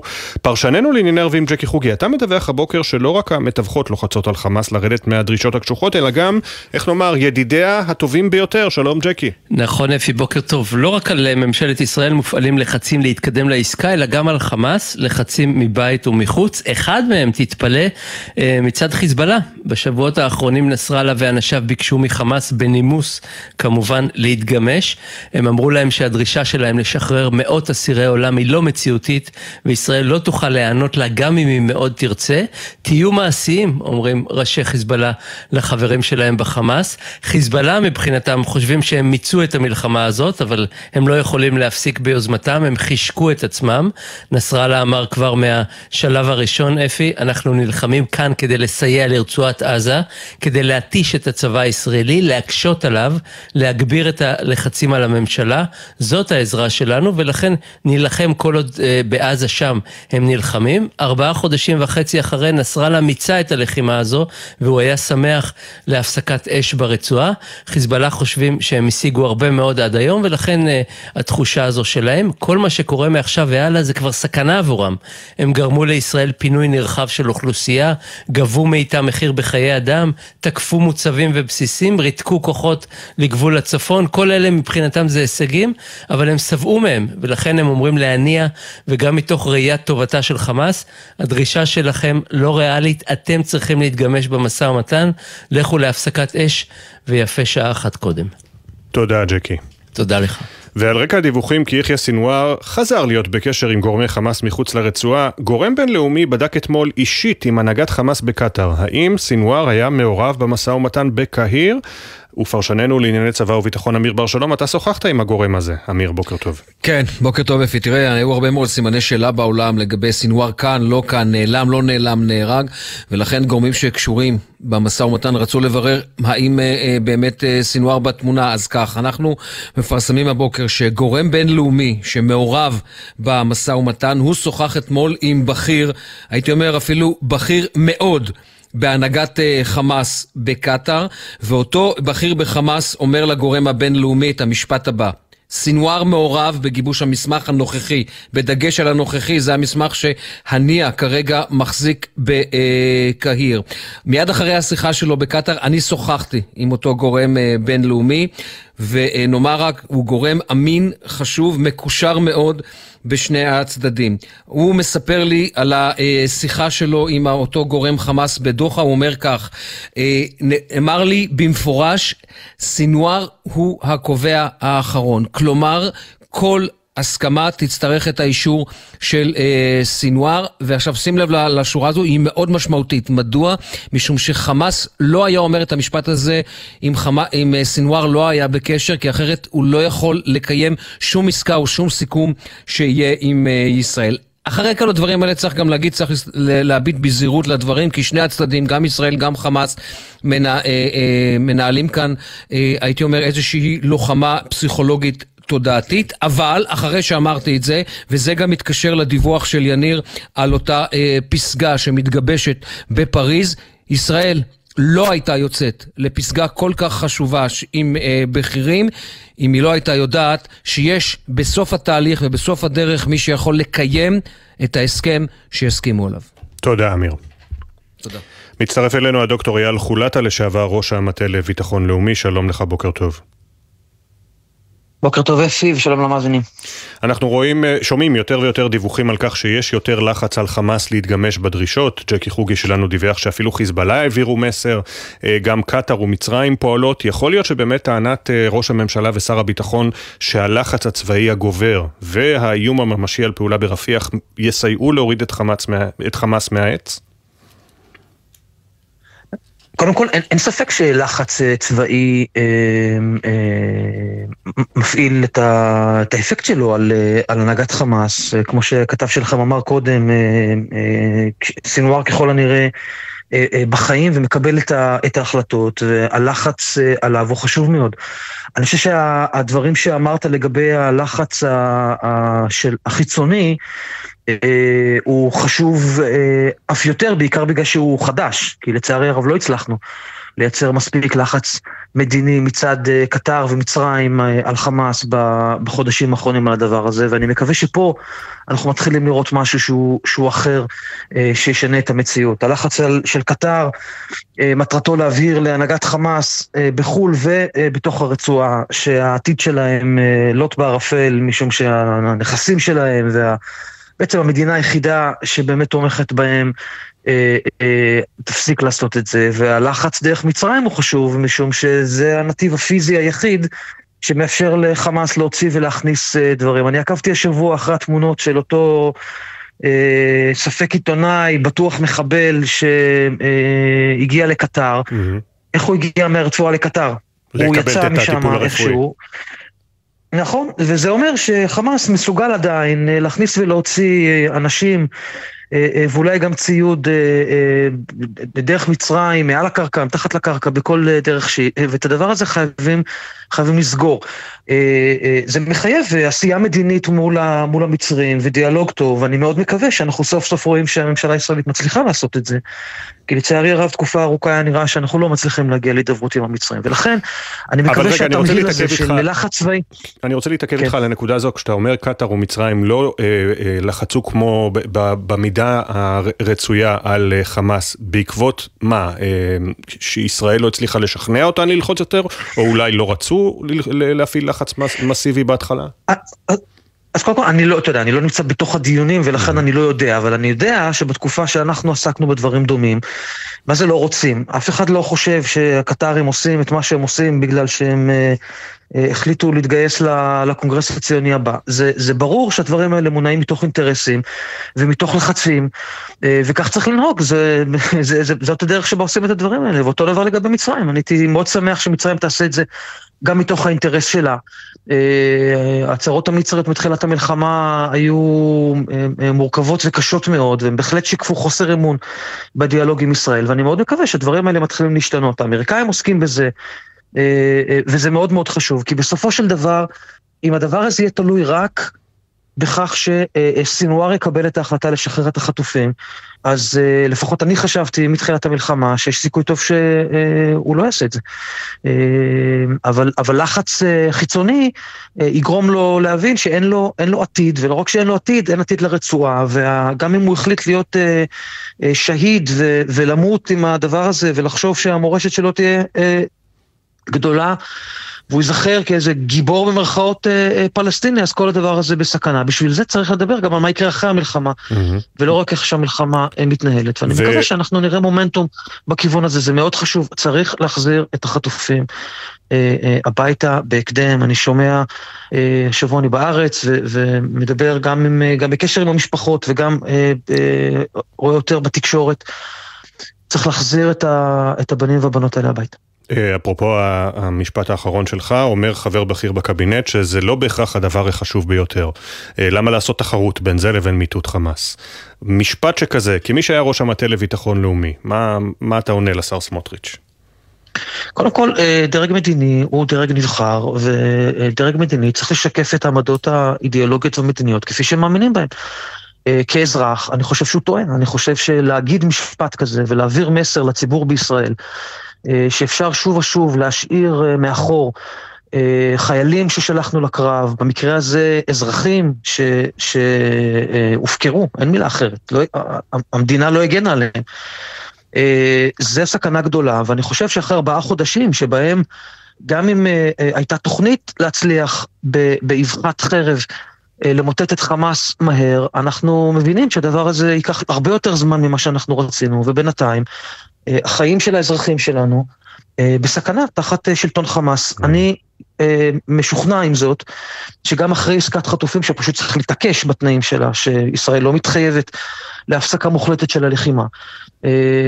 וכמו שראש הממשלה חזר פעם אחר פעם, ידענו לחזור ללחימה אחרי סיום ההפוגה של, של העסקה הקודמת, ונדע לעשות את זה גם כרגע. והמלחמה בחמאס תיקח הרבה זמן, ועד שלא נתפוס את סינואר, ולא רק אותו, אלא גם יתר המנהיגים, אה, לא נשלים את, המשימה שתבטיח ש, אה, שהארגון הזה ואחרים לא יוכלו לעשות את זה בעתיד. אה, אבל אני לא חושב שזה עומד בסתירה להחזרת החטופים, יש לנו חוב מוסרי להחזיר את החטופים והחטופות הביתה. כמובן. הזכרת קודם את הדיון על מה שיהיה בעזה אחרי חמאס. מה, מה לדעתך צריך לעשות באמת מבחינה מדינית עם עזה? שאלה קצת גדולה. ומה צריך להיות התפקיד שלנו, של ישראל בתהליך? אני אענה במשפטים כלליים, כי כמובן זה, זה, זה דבר מאוד מאוד uh, מורכב ומסובך. השאלה הראשונה שצריך לענות עליה uh, הוא איזה מין מערכת אנחנו מצפים ורוצים שתתפתח בעזה ביום שאחרי, כדי להקטין את האפשרות שגורמים כמו חמאס וגורמים רדיקליים אחרים אה, יעלו שוב. בהינתן אה, העובדה, כמו שראש הממשלה נתניהו אמר, שאין כוונה שישראל תחזור לשלוט ברצועה, אה, אז חייבים למצוא מענה לשאלה מי לאורך זמן הוא הגורם שנכנס לפוזיציה הזאת ומבצע את העבודה הזאת. עכשיו, יש הרבה מאוד אה, אה, עשייה בעניין הזה, עם המדינות הערביות באזור, כולל מדינות המפרץ, כולל האפשרות שהדבר הזה יתחבר לתוך תהליך הנורמליזציה עם סעודיה, משום שסעודיה מעוניינת מאוד גם בנורמליזציה עם ישראל ולהשלים את ההסכם שלהם עם האמריקאים, וגם בהרגעת השטח ומציאת פתרונות טובים יותר למה שקורה בעזה, ואני אגיד לך גם ביהודה ושומרון, לא רק בעזה. והיכולת לרתום את כל הדברים האלה ביחד היא אה, על השולחן ואפשר לעשות אותה. אני לא רוצה להיכנס לפרטים, זה, זה מאוד מסובך, ולישראל יש עמדות מוצדקות אה, אה, בעניין הזה, והפרסומים וה, האלה על זה שלכאורה ארה"ב מנסה לקדם אה, הקמת מדינה פלסטינאית בעת הקרובה, למיטב הבנתי ארה"ב אגב, לא, בכ... לא רוצה לקדם הקמה חד צדדית של מדינה אה, פלסטינאית, זה, זה, הדיון על זה בארץ אה, אה, לדעתי יש לו גם סיבות אחרות, אבל בכל מקרה, יש בהחלט הרבה לא עשייה שאפשר לעשות בדבר הזה. אתה לא מתרשם כמו הפרסומים שארצות הברית מנסה לקדם הכרה. על פי הפרסום, נדמה לי בוושינגטון פוסט, אפילו תוך כדי כמה שבועות, לפרסם את התוכנית של אה, הכרה חד צדדית במדינה פלסטינית, אתה אומר זה לא העניין. תראה, מאחר ואני נמצא בארצות הברית ואני רואה את הפרסומים שם בתקשורת אה, וכמות הסיפורים שנזרקים לחלל התקשורת במכוון או שולה הוא גדול, לפחות כמו בארץ, לפעמים יותר. מה שבטוח אני רואה זה שהנשיא ביידן אתמול הנחה את המערכת האמריקאית להטיל וטו נוסף במועצת הביטחון אה, אה, על אה, הצעה אלג'יראית להפסיק את המלחמה ועומד לצידנו. וממשיך uh, לתמוך ולהעביר את כל הציוד שצה"ל צריך uh, במשלוחים uh, אחד אחרי השני, ומשלחות אמריקאיות מגיעות לכאן שוב ושוב כדי לעשות תיאומים, ומשלחות mm-hmm. ישראליות מגיעות לוושינגטון בשביל תיאומים, זה מה שאני רואה. בתקשורת יש עוד כל מיני דברים אחרים, ולצערי יש לזה כל מיני סיבות שונות ומשונות. אנחנו בסוף צריכים להתמקד במה אנחנו רוצים שיקרה, ולראות שאנחנו מקדמים את הדברים. ואני אגיד שככל שישראל אה, אה, תקדים, לקדם בעצמה דברים שהיא מאמינה בהם, ולתמוך בתוכניות שהיא חושבת שהן יכולות להיות קונסטרוקטיבית לגבי היום שאחרי, זה בוודאי יקטין את הסיכוי שכל כן. מיני גורמים יזמו תוכניות שאנחנו לא נרצה שהן יתממשו. הדוקטור יאיר חולטה, נכון וזה נכון גם הפעם. לשעבר ראש המטה לביטחון לאומי, תודה רבה שהצטרפת אלינו, בוקר טוב. תודה לכם, יום נעים. מההתפתחויות במגעים לעסקה, הכנסת התרופות ליקיריהן ועד לאמירות סותרות של מקבלי ההחלטות, משפחות החטופים עוברות טלטלה יומיומית. אתמול התסכול של רבות מהן גבר כשהשר סמוטריץ' הכריז שלא צריך לעשות תחרות והשבת החטופים היא לא הדבר הכי חשוב. לאחר מכן הבהיר את דבריו, אה, אך עשרות מבני המשפחות הפגינו נגד האמירה מחוץ לישיבת אה, קבינט המלחמה המצומצם בקריה בתל אביב. שירה שפי מביאה את הקולות. תתעסקו רק בדבר אחד ובשחרור החטופים לחמאס היה לכם 15 שנה לטפל בני משפחות החטופים הצטיידו אתמול במערכות הגברה והתייצבו מחוץ לקריה, ממש מול כיכר החטופים, שם חזרו על דרישתם מחברי הקבינט, לפעול להשבתם. את דברי השר סמוטריץ', שאמר בריאיון לכאן ב' כי החזרת החטופים אינה הדבר החשוב ביותר ושאמירות כמו בכל מחיר אין בעיה, שמעו בני המשפחות כשחלקן כבר התמקמו מול הקריה, והם עוררו כעס רב בקרב רבים מהם שפנו לראש הממשלה נתניהו שיגנה את דברי השר ולציבור להצטרף אליהם למחאה הגדלה. אחת מהן היא נועם דן, קרובת משפחה של החטוף עופר קלדרון. או זאת ממשלת חירום שהמטרה שלה לחלץ את החטופים, כי בלעדיהם לא יהיה שום ניצחון, לא מוחלט ולא בכלל. או שבעצם, בעצם סמוטריץ' אומר את מה שאתה חושב, שהחטופים הם לא הכי חשובים, ואתה מתכוון להקריב אותם. אנחנו נבעיר את הרחובות, והיום כולנו נהיה בבגין. במהלך ההפגנה חסמו בני המשפחות מספר פעמים את התנועה ברחוב שאול המלך, בעודם סופרים את מספר ימי השבי. 137, הבוקר 138. גיל דיקמן, בן דודה של החטופה כרמל גת, פנה לחברי הקבינט שהתכנסו באותה שעה. אנחנו עומדים כאן וזועקים כי מה עוד נשאר לנו לעשות חוץ מלזעוק? ועם ישראל איתנו! כי עם ישראל מבין שכמו שהביאו את בדודה שלי, מחר זה יכול להיות הבדודה, הסבתא, הנכדה או החבר של כל אחד ואחת מאיתנו. זה מאבק של עשרה מיליון ישראלים!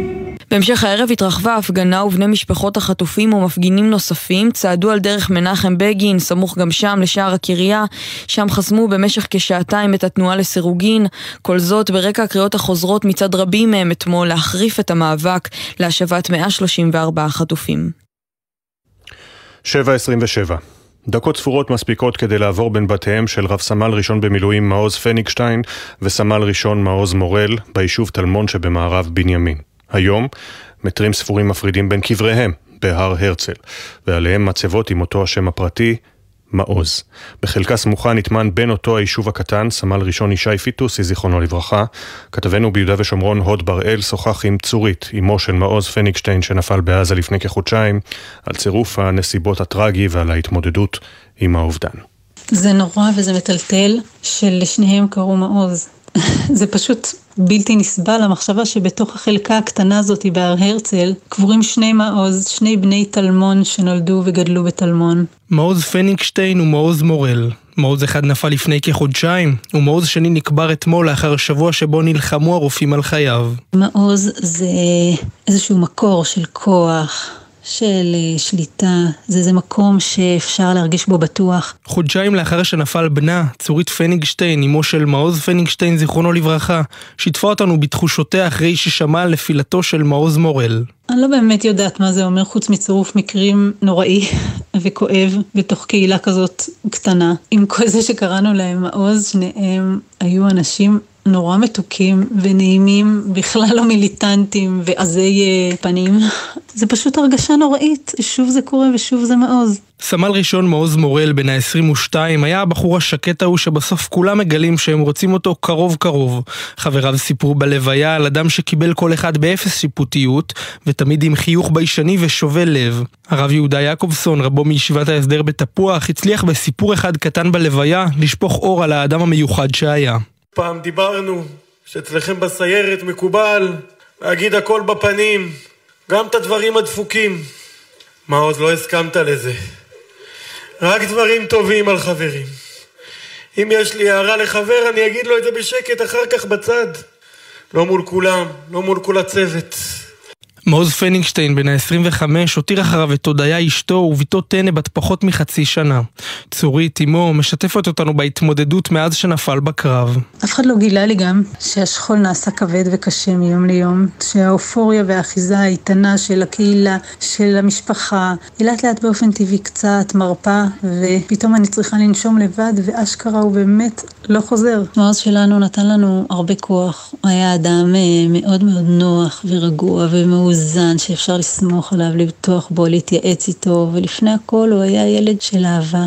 למרות הכאב הרב לצורית שקברה את מעוז שלה לפני כחודשיים, חשוב להעביר מסר מחזק למשפחת מורל, חבריה ליישוב, שאתמול קברו את מעוז שלהם. על אף החלל העצום שלעולם לא ימלא של מעוז שלנו, מעוז שלהם, כל הכוחות שבנינו במהלך השנים והקשר, הוא מחזיק אותנו גם עכשיו. ואני מציעה למשפחת מורל את החיבוק שלנו ואת הלב שלנו, ואני גם אומרת לכולם שאולי זה לא מנחם, אבל החיבוק של המשפחה ושל הקהילה ושל כל עם ישראל, הוא בהחלט נותן כוח. ועל רקע הדברים של השר סמוטריץ' אתמול והדיווחים על אולי אה, סיכוי להתנעת משא ומתן מחודש על עסקה להחזרת חטופים, מצטרפת אלינו שי אלבג, אחותה של אה, לירי, התצפיתנית שחטופה בעזה כבר 138 יום. שי אלבג, שלום. שלום, אהלן. תודה רבה שאת מצטרפת אלינו, שי. נתחיל באמת עם uh, הדברים של השר סמוטריץ' אתמול, uh, שאמר למראייניו ברשת ב', uh, למה לעשות תחרות? זה לא הדבר הכי חשוב.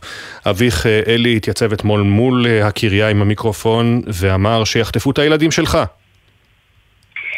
כן, הוא, אבא שלי זעק את הזעקה, שאנחנו לא מבינים איך אפשר uh, להגיד שזה לא הדבר הכי חשוב. סוף אה, כל כך הרבה חטופים אה, נמצאים בשבי יותר מדי זמן וכל הזמן מדברים על אה, מיטוט חמאס ולהחליש אותו ואני שואלת אוקיי וכאילו זה לוקח הרבה יותר זמן מחודש-חודשיים ולחטופים שלנו אין את הזמן לחכות לזה? ואבא שלי זעק אתמול את הזעקה שלו אתם חוששים שהדברים של סמוטריץ' הם בעצם מה שאולי גם ראש הממשלה חושב, האיש שמוביל את המלחמה ואת המשא ומתן? כן, אנחנו חוששים מכל דבר. כל הודעה שיוצאת אה, זה עושה לנו מערבולת בבטן, כמובן שגם דברים כאלו. אה, אנחנו חרדים כל יום על, ה... על הגורלה של לירי, ואנחנו לא יודעים מה איתה. אנחנו כבר לא יודעים מה איתה 90 יום. כאילו אנחנו כמובן לא יודעים אה, יותר, אבל אה, לפני 90 יום אה, יצא עוד חיים ממנה. אז כל הודעה כזאת שמקפיצה את הלב, זה עושה לנו רע. ואנחנו לא רוצים שזאת תהיה הגישה של הממשלה שלנו. מיהר השר בני גנץ לומר זה הדבר הכי חשוב, גם חברים אחרים במערכת הפוליטית מיהרו לומר את זה. זה מנחם במשהו? אני רוצה להאמין שהם עושים הכל להחזיר את החטופים. אני באמת עוד עם אמונה כזאת, אני פשוט רואה את הזמן שכל יום זה רק מתארך, ואני רוצה שכבר לראות תוצאות. כאילו, אני רוצה פחות דיבורים ושיתחילו לעשות מעשים. היום הוא היום המאה שלושים ושמונה. באמת עשיתם כבר כמעט uh, הכל, בוודאי כל מה שאתם יכולים לעשות, הפגנות, uh, מחאות, קמפיינים, uh, חלק פנו, לג... חלק מהמשפחות פנו למסלול קצת יותר uh, תוקפני כדי לקדם את הנושא. Uh, אני תוהה אם לפעמים ככה מתגנב איזשהו, uh, איזושהי תחושת ייאוש או חוסר אונים. אה, אנחנו, יש תחושות, אבל אנחנו, אסור לנו להישבר. אני מסתכלת על אחותי ואני אומרת, היא חזקה, ואני מכירה אותה, והיא בחורה אופטימית והיא שורדת את מה שהולך שם בשבי, לנו אסור להישבר. אז אנחנו עם כל הכוחות ולא נשאר לנו עוד הרבה, אנחנו נמשיך להילחם עד שהיא תחזור הביתה. אבל אנחנו גם שוב, אנחנו מסתכלים על הזמן ואנחנו אנחנו כמעט חמישה חודשים. אנחנו רוצים לשים לזה סוף. אמרת, עם כל הכוחות לא נשאר לנו עוד הרבה.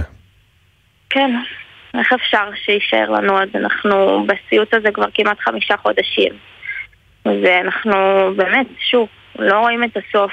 אנחנו לא שומעים עכשיו דיבור אה, יותר מדי על עסקה. אנחנו לא מצליחים אפילו לדון על זה. אני רק רוצה אותה כבר בבית.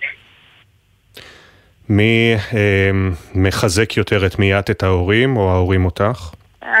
זה כל יום אה, מישהו אחר, כל יום אה, מישהו אחר קצת נופל והשאר המשפחה מחזקת. אנחנו מנסים להישאר חזקים בעיקר בשביל לירי, אה, של לשלוח לה את הכוחות שלנו. ומקווה אולי היא שומעת אותי, אבל שאנחנו נמשיך להילחם ולעשות כל מה שאפשר עד שהיא תחזור הביתה. שי אלבג, אחותה של לירי שחטופה בעזה כבר 138 יום, תודה רבה שדיברת איתנו, נקווה לבשורות טובות בהקדם, תודה. אמן, תודה. 34 דקות וחצי אחרי השעה 7, הכותרות. הבוקר הותר לפרסום שמו של אה, לוחם צה"ל שנפל אתמול בקרב בצפון הרצועה. ההודעה נמסרה למשפחתו, סמל ראשון אברהם אובגן, בן 21 מנתניה, לוחם חטיבת הנחל בגדוד 932, נפל בהיתקלות עם מחבלים. עוד שלושה חיילים נפצעו קשה בשתי תקריות נוספות אתמול בצפון הרצועה, במסגרת המבצע בשכונת זייתון. לוחם בגדוד 932, חטיבת הנחל, ולוחם מילואים בגדוד האיסוף 636 נפגעו מטיל נ"ט. לוחם בגדוד שקד, חטיבת גבעתי, נפצע בפיצוץ מטען, כולם פונו לקבלת טיפול רפואי וגם משפחותיהם עודכנו. במסגרת המבצע האוגדתי בצפון הרצועה, הכוחות פושטים על ידי חמאס שלא טופלו בשלב הקודם של התמרון הקרקעי, ובהם אתרי ייצור אמצעי לחימה ומחרטות, ומנהרות תת-קרקעיות שאותרו בעבר אך לא הושמדו. כתבנו הצבאי דורון קדוש, שהביא את הפרטים בבוקר טוב ישראל, מוסיף שעשרות מחבלים חוסלו בקרבות קשים מול חוליות מחבלים רבות שיצאו להילחם באזור, ועוד כעשרה מחבלים נלקחו בשבי. המגעים לעסקת חטופים, ישראל צפויה להחליט היום האם להוציא משלחת לפסגה נוספת שתתקיים בפריז מחרתיים. כתבנו המדיני יניר קוזין שהביא את הפרטים בבוקר טוב ישראל מוסיף שההחלטה תלויה במידה רבה בתמונת המצב שיעבירו המתווכים המצריים לאחר הפגישות עם ראשי חמאס בימים האחרונים. הדוקטור אייל חולטה, לשעבר ראש המטה לביטחון לאומי, אומר בבוקר טוב ישראל אין מספיק לחץ על חמאס, צריך להעביר להם מסר ברור לגבי עתידם. הלחץ החיצוני הוא חשוב אה, אף יותר, בעיקר בגלל שהוא חדש. חדש. לא הצלחנו לייצר מספיק לחץ מדיני על חמאס. אה, מטרתו להבהיר להנהגת חמאס אה, בחו"ל ובתוך הרצועה שהעתיד שלהם אה, לוט בערפל. עדכוני תנועה מגלגלצ בכביש 6 דרומה יש עומס תנועה מעירון עד קסם, באיילון צפונה עמוס מקוממיות עד מחלף ארלוזורוב, כביש החוף דרומה עמוס ממחלף ינאי עד פולג, בכביש 5 יש עומס תנועה מקסם עד מחלף הכפר הירוק, ובכביש 4 דרומה יש עומס תנועה מהשרון עד צומת הדסים. מזג האוויר בעיר עד מעונן חלקית עם עלייה קלה בטמפרטורות, בעשרה לשמונה תהיה כאן ענבל גזית עם פינת התרבות, אחריה עידן קבלר עם פינת הספורט. אנחנו יוצאים להפסקה קצרה של 123 שניות בלבד, ואחריה סדרת הכתבות אה, הקולות המלחמה בפרק השני, וגם חיות הבר ממלאות את הנחלים והמפלים בצפון שזורמים בשצף, אך ריקים ממטיילים. הדס שטייף בכל זאת תהילה שם. בוקר טוב ישראל, מיד חוזרים. בחסות אוטודיפו, המציעה מצברים לרכב עד השעה תשע בערב בסניפי הרשת, כולל התקנה חינם. כי כדי להחליף מצבר, לא צריך להחליף לשעות עבודה יותר נוחות. אוטודיפו. בחסות אורה, החשמלית המשפחתית המזמינה ליום מכירות, במיוחד ליום הבחירות לרשויות המקומיות. שלישי, 27 בפברואר. לפרטים חייגו כוכבית 6853, כפוף לתקנון באתר החברה. בחסות זאפ המזמינה אתכם ל Happy Friday. מהיום, כל יום שישי מבצע אחר באתר זאפ. אז מחכים לכם בכל שישי ב Happy Friday בזאפ. כפוף לתקנון. בחסות אייס, המציע מבצע מחמם. כי עד שיהיו כאן 30 מעלות, קבלו 30 אחוזי הנחה על מוצרי החימום שבמבצע. המבצע תקף בסניפים בלבד. אייס.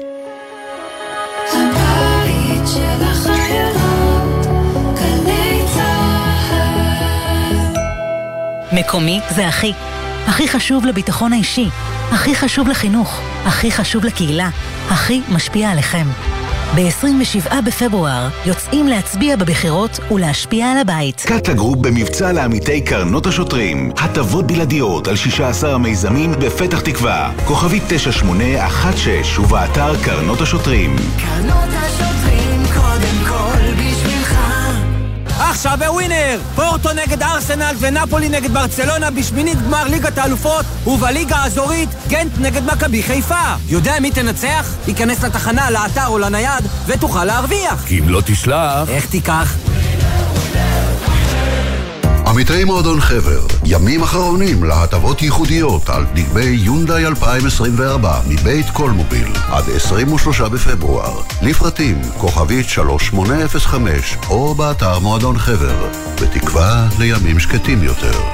זה הכל בשבילך, זה הכל בשבילך, חבר.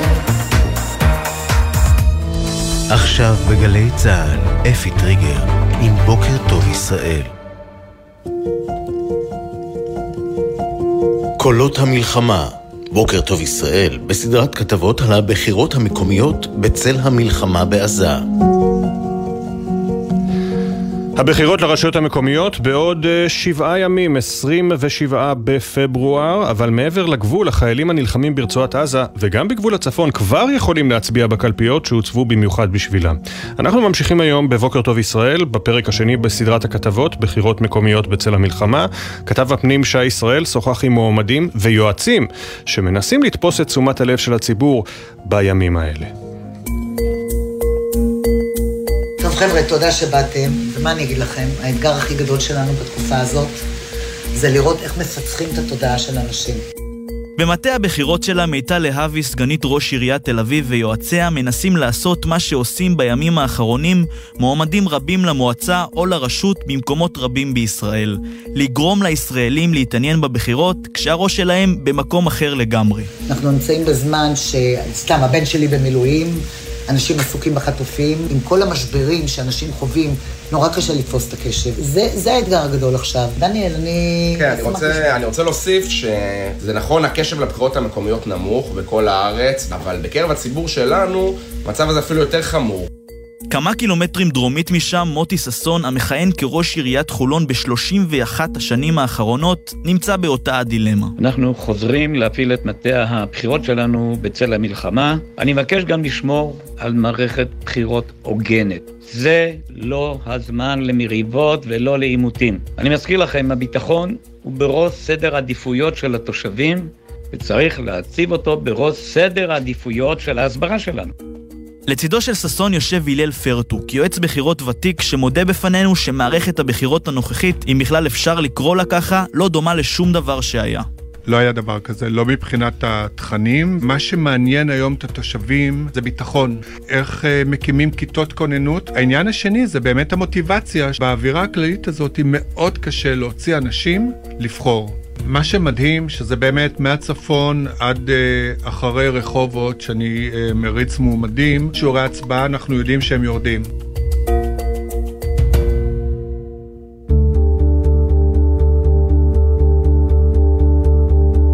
לא, לא ידענו כלום. וואלה, אני לא שמעתי על הבחירות האלו, אבל uh, אני אלך עם מי שיעשה את הדבר הכי טוב בשביל העיר הזאת. אנחנו הולכים לבחור ב-27 לפברואר, יש לנו מתמודד ראוי ביישוב שלנו, אין אווירה ממש של בחירות. זה חלק מהחובות האזרחיות, אבל uh, האמת היא שזה לא משהו שיקרה בחדווה או בששון, אבל אי אפשר לא ללכת להצביע. וזהו רק תקציר. האמת, קשה להאשים את בעלי זכות הבחירה שהראש שלהם לא בדיוק בבחירות שתיארכנה עוד פחות משבוע. בימים רגילים הייתי עושה קמפיין גדול ומשקיע בזה אנרגיה, אבל אם אתה תסתכל, אתה תראה שאין שלטים. זהו שי חג'אג', יושב ראש מרכז השלטון האזורי וראש המועצה האזורית מרחבים, הסמוכה לעוטף וחוותה היטב את המלחמה. השבת השחורה הראה כי שלושה שבועות לפני המועד המקורי לבחירות, בשיא הקמפיין. המציאות היום שונה לחלוטין. אז באמת התחלנו קמפיין לפני השביעי לאוקטובר, בשביעי בעצם הכל הסתיים, עצרנו הכל, אה, אין באמת קמפיין. אתה לא רואה שלטים ברחובות, אתה לא רואה אפילו בפייסבוק, כי אנשים לא פנויים רגשית לבצע קמפיין, לא המועמדים וגם לא הציבור. אבל אין ברירה, בחירות צריכות להתקיים, והציבור לא ממש יודע שיש בחירות. זה משהו מדהים, אני פוגש, פוגש תושבים והם אומרים לי אין להם מושג שיש בחירות ב-27 לפברואר. וגם המומחים מסכימים. מייסד המכון לשלטון המקומי באוניברסיטת תל אביב, שר הפנים לשעבר אופיר פינס פז, חוזה אחוזי הצבעה נמוכים ופגיעה בהוויה הדמוקרטית. אני משוכנע שאחוז ההצבעה יהיה נמוך משמעותית מאחוז ההצבעה בבחירות הקודמות. יש לזה, לצערי, הרבה מאוד השלכות. התחלופה תהיה יותר קטנה, גם של ראשי רשויות וגם של חברי מועצות. הקבוצות הסקטוריאליות יגדילו את כוחן על חשבון הרוב הלא סקטוריאלי. כשאחוז ההצבעה הוא נמוך, אז הפערים גדולים, וזה בעצם מעוות את התוצאות.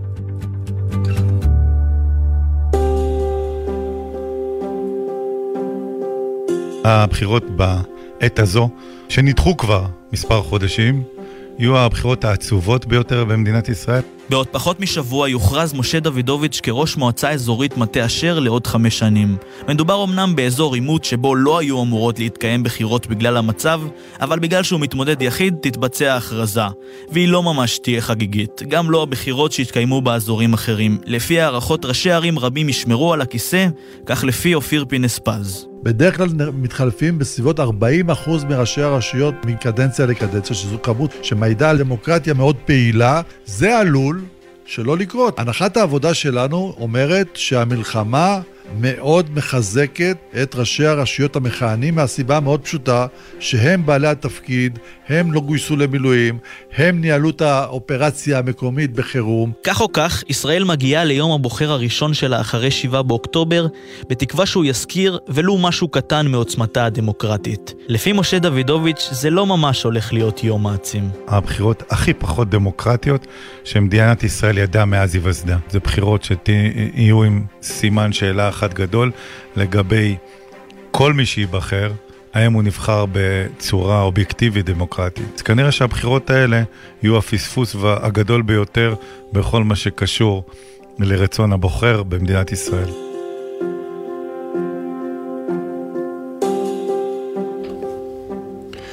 ומחר הפרק השלישי בסדרת אה, הכתבות שלנו. עכשיו רבע לשמונה, את הנחלים הזורמים והמפלים השוצפים בצפון לא היה ניתן לראות במצב כזה מאז שנות התשעים. גם חיות הבר והטבע שנמצא בשיאו בהחלט היו יכולים למשוך לא מעט מבקרים בימים כתיקונם, אבל בעקבות המלחמה לא רק יישובים רבים בגליל העליון נותרו ריקים, אלא גם שמורות הטבע סגרו את שעריהן למטיילים. הדס שטייף הייתה שם. כמה דאגה הביעו אזרחי המדינה שנים לגורלה של הכנרת, לגורל הנחלים שבקושי זורמים. הכנרת מתייבשת הייתה הקריאה. מים, זאת הייתה המילה. והנה החורף הזה, הגשם בגליל העליון לא מפסיק לרדת. המים ממלאים לא רק את הכנרת, אלא גם את הנחלים, המפלים שוצפים, קוראים להגיע אליהם. אבל השערים לשמורות הטבע נעולים, כך גם בכל היישובים בהם עוברים הנחלים. הכניסה למטיילים אסורה. אור שלף מקיבוץ ניר, בעל חברת טיולים זה שנים, חי ונושם את גבול לבנון וגבול סוריה. מופעים כמו מה שרואים פה עכשיו לא רואים כל יום, אנחנו רואים את מקורות הירדן עולים על גדותיהם בטירוף, רק שלצערנו הרב אה, רוב המקומות האלה סגורים. ופריחה מדהימה, וכן, יש קטע. כאילו מצד אחד בעלי חיים גדולים, יכול להיות שרעש ה...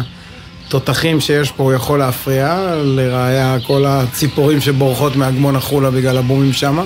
מצד שני, חיות אנדמיות, חיות שהן ייחודיות לפה, הן יודעות להתעלות על זה. הם הבומים פחות מזיזים להם. משפחות שלמות של חיות בר יוצאות ומטיילות באין מפריע, כמותן לא נראו, מוסיף שלף. זה ידוע שכשהחיה הכי מסוכנת בטבע שזה אנחנו לא נמצאת, אז כל הטבע מתעורר מחדש. יצא לי לעשות uh, בזמנים שהצלחתי בין לבין המשמרות סיבובים לא מעט, גם הייתי ב... גם במפל הבניאס ובמקורות הירדן אחרים, זה זה באמת, זה לא רק מים, זה גם המון בעלי חיים שרואים יוצאים החוצה. גם הפריחה מרימה ראש ונחשפת, כמוה גם לא נראתה באזור. יוסי להב, תושב אחד היישובים על הגבול, מדבר גם הוא על כמויות המים ששנים לא נראו כמותם. ועכשיו יש גשם רצוף.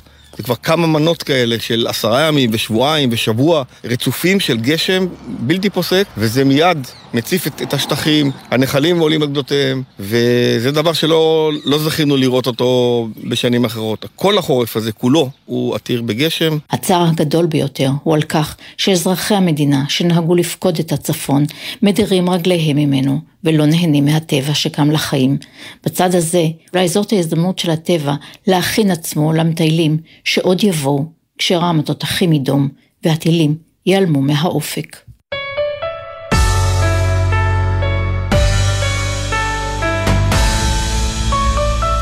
הגענו אל פינת התרבות ענבל גזית, בוקר טוב. בוקר טוב אפי, המשורר דוד אבידן התכוון לחיות עד שנת 2030. היום, אם כך, היה אמור לציין יום הולדת 90. הנבואה הזו לצערנו לא כל כך הצליחה, אבל העניין שלו בעתיד ובטכנולוגיה שבא לידי ביטוי ביצירה, מפתיע מאוד היום, כשחלק מהדברים עליהם כתב לפני 50 שנה, מתגשמים לנגד עינינו. הכתבה של מאיה קרן.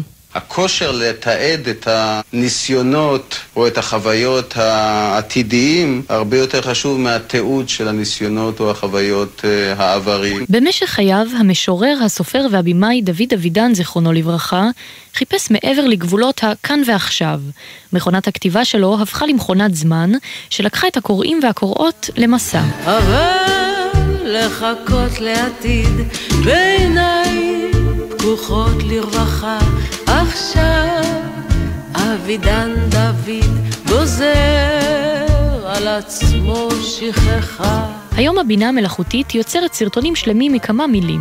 לפני עשורים רבים, כשאבידן שזר את העתיד הטכנולוגי בשירה שלו, זה נשמע מדע בדיוני. המתרגם והמשורר, הפרופסור רפי וייכרט, שחקר את יצירותיו של אבידן, חושב שכך נוצרה שפה חדשה. פסיכיאטור אלקטרוני שלי, וגם uh, בשירים יותר מאוחרים, uh, תשדורות מלוויין ריגול, וספר האפשרויות שירים וכולי, היו באמת חידושים uh, לשוניים. להוריד את העברית ממגדל הפיוט האלתרמני, נאמר לרחוב התל אביבי, לתחומים של מחשבים, של שפה, של מדע, זאת הייתה פריצת דרך, שסללה גם uh, שבילים ונתיבים למשוררים שבאו אחריו. אשתו לשעבר, העיתונאית ברוריה אבידן בריר, מעיזה לומר שדוד אבידן היה כמעט נביא. הוא לא רק משורר, הוא חדשן גדול. הוא הראשון שעשה שיחות עם בעצם מחשב, עם בינה מלאכותית. הוא הראשון שניבא את החלל. הוא באמת היה גאון.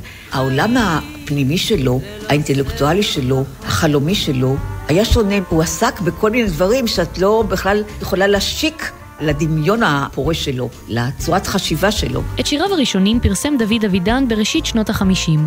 הוא נחשב אחד הנציגים של דור המדינה, לצד יהודה עמיחי ונתן זך. בכל זאת היה משהו שונה בכתיבתו. בין השאר הוא נהג להלחים מילים, להצמיד מילים שונות זו לזו, וליצור מילה חדשה כמו פרחים מתים או קרן שמש. היום בהודעות הכתובות אנחנו מקצרות או מלחימות מעצלות או רשלנות.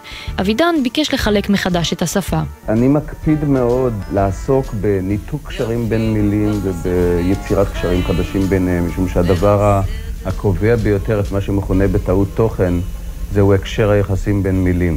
אני לא רשמתי על זה פטנט, אבל uh, בשירה העברית אני uh, הכנסתי את זה ואני היחיד שמשתמש בזה. אני חושב שאני חדשן מאוד. לדעת המשורר רוני סומק, חברו הטוב של אבידן ומי ששאב מיצירותיו השראה רבה, החיפוש אחר המחר השתלם.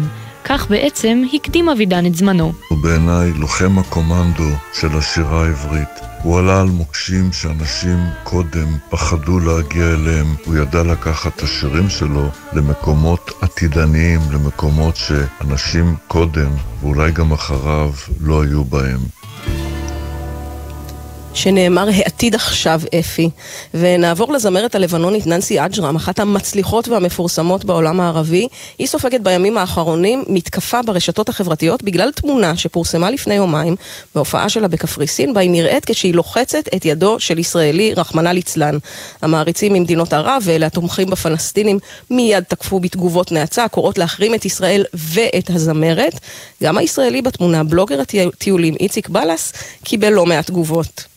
קיבלתי תגובות קשות, אבל אני אוסיף ואגיד שקיבלתי מבול של תגובות מפרגנות מכל מדינות ערב, אם זה מכווית, אם זה מקטר, אם זה מלבנון, אם זה מסעודיה. אנשים מהמדינות האלה שהם כביכול מדינות אויב, אמרו שהם רוצים לבוא לישראל וזה החלום שלהם לבקר בתל אביב, ואינשאללה עוד יבוא היום וננסי תמלא פה את פארק הירקון. אז הנה, יש גם וגם, צריך להגיד, גיא רימון כתבתנו מזכירה, זו לא הפעם הראשונה שהזמרת מסתבכת עם הקהל הערבי, לפני כחצי שנה, תיעוד מהופעה אחרת שלה על הבמה, כשלצידה מעריצה ישראלית גרר תגובות דומות, וזה לפני המלחמה, אז היא הגיבה בחשבון הטוויטר שלה וכתבה שהיא לא תוכיח את הפטריוטיות שלה, השטג לבנונית ערבייה עד הנשימה האחרונה, אבל הנה, יש מעריצים ישראלים לזמרת לבנונית, זה אפשרי. ננסי אג'רם, תודה, ענבל. בוקר טוב.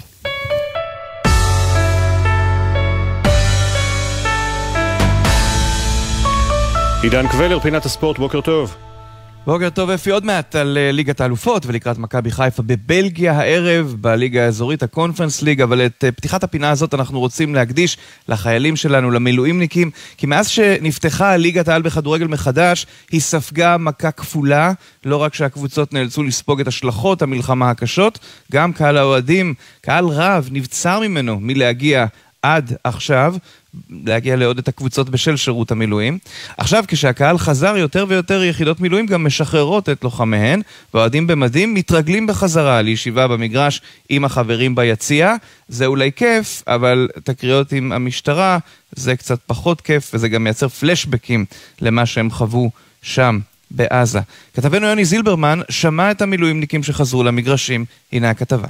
לחזור למקום הקבוע ביציע, זה היה אלה 90-98 דקות של כיף, כמה דקות אחרי אתה פשוט חוזר לחיים אה, ומבין שמילואים והכל. יותר מארבעה חודשים מפרוץ המלחמה, חודשיים מחזרת ליגת העל, וגם אוהדי הכדורגל המילואימניקים מתחילים לחזור למגרשים. ליאח, אוהד מכבי פתח תקווה, נזכר במשחקו הראשון מאז שב משירות מילואים בסוף דצמבר.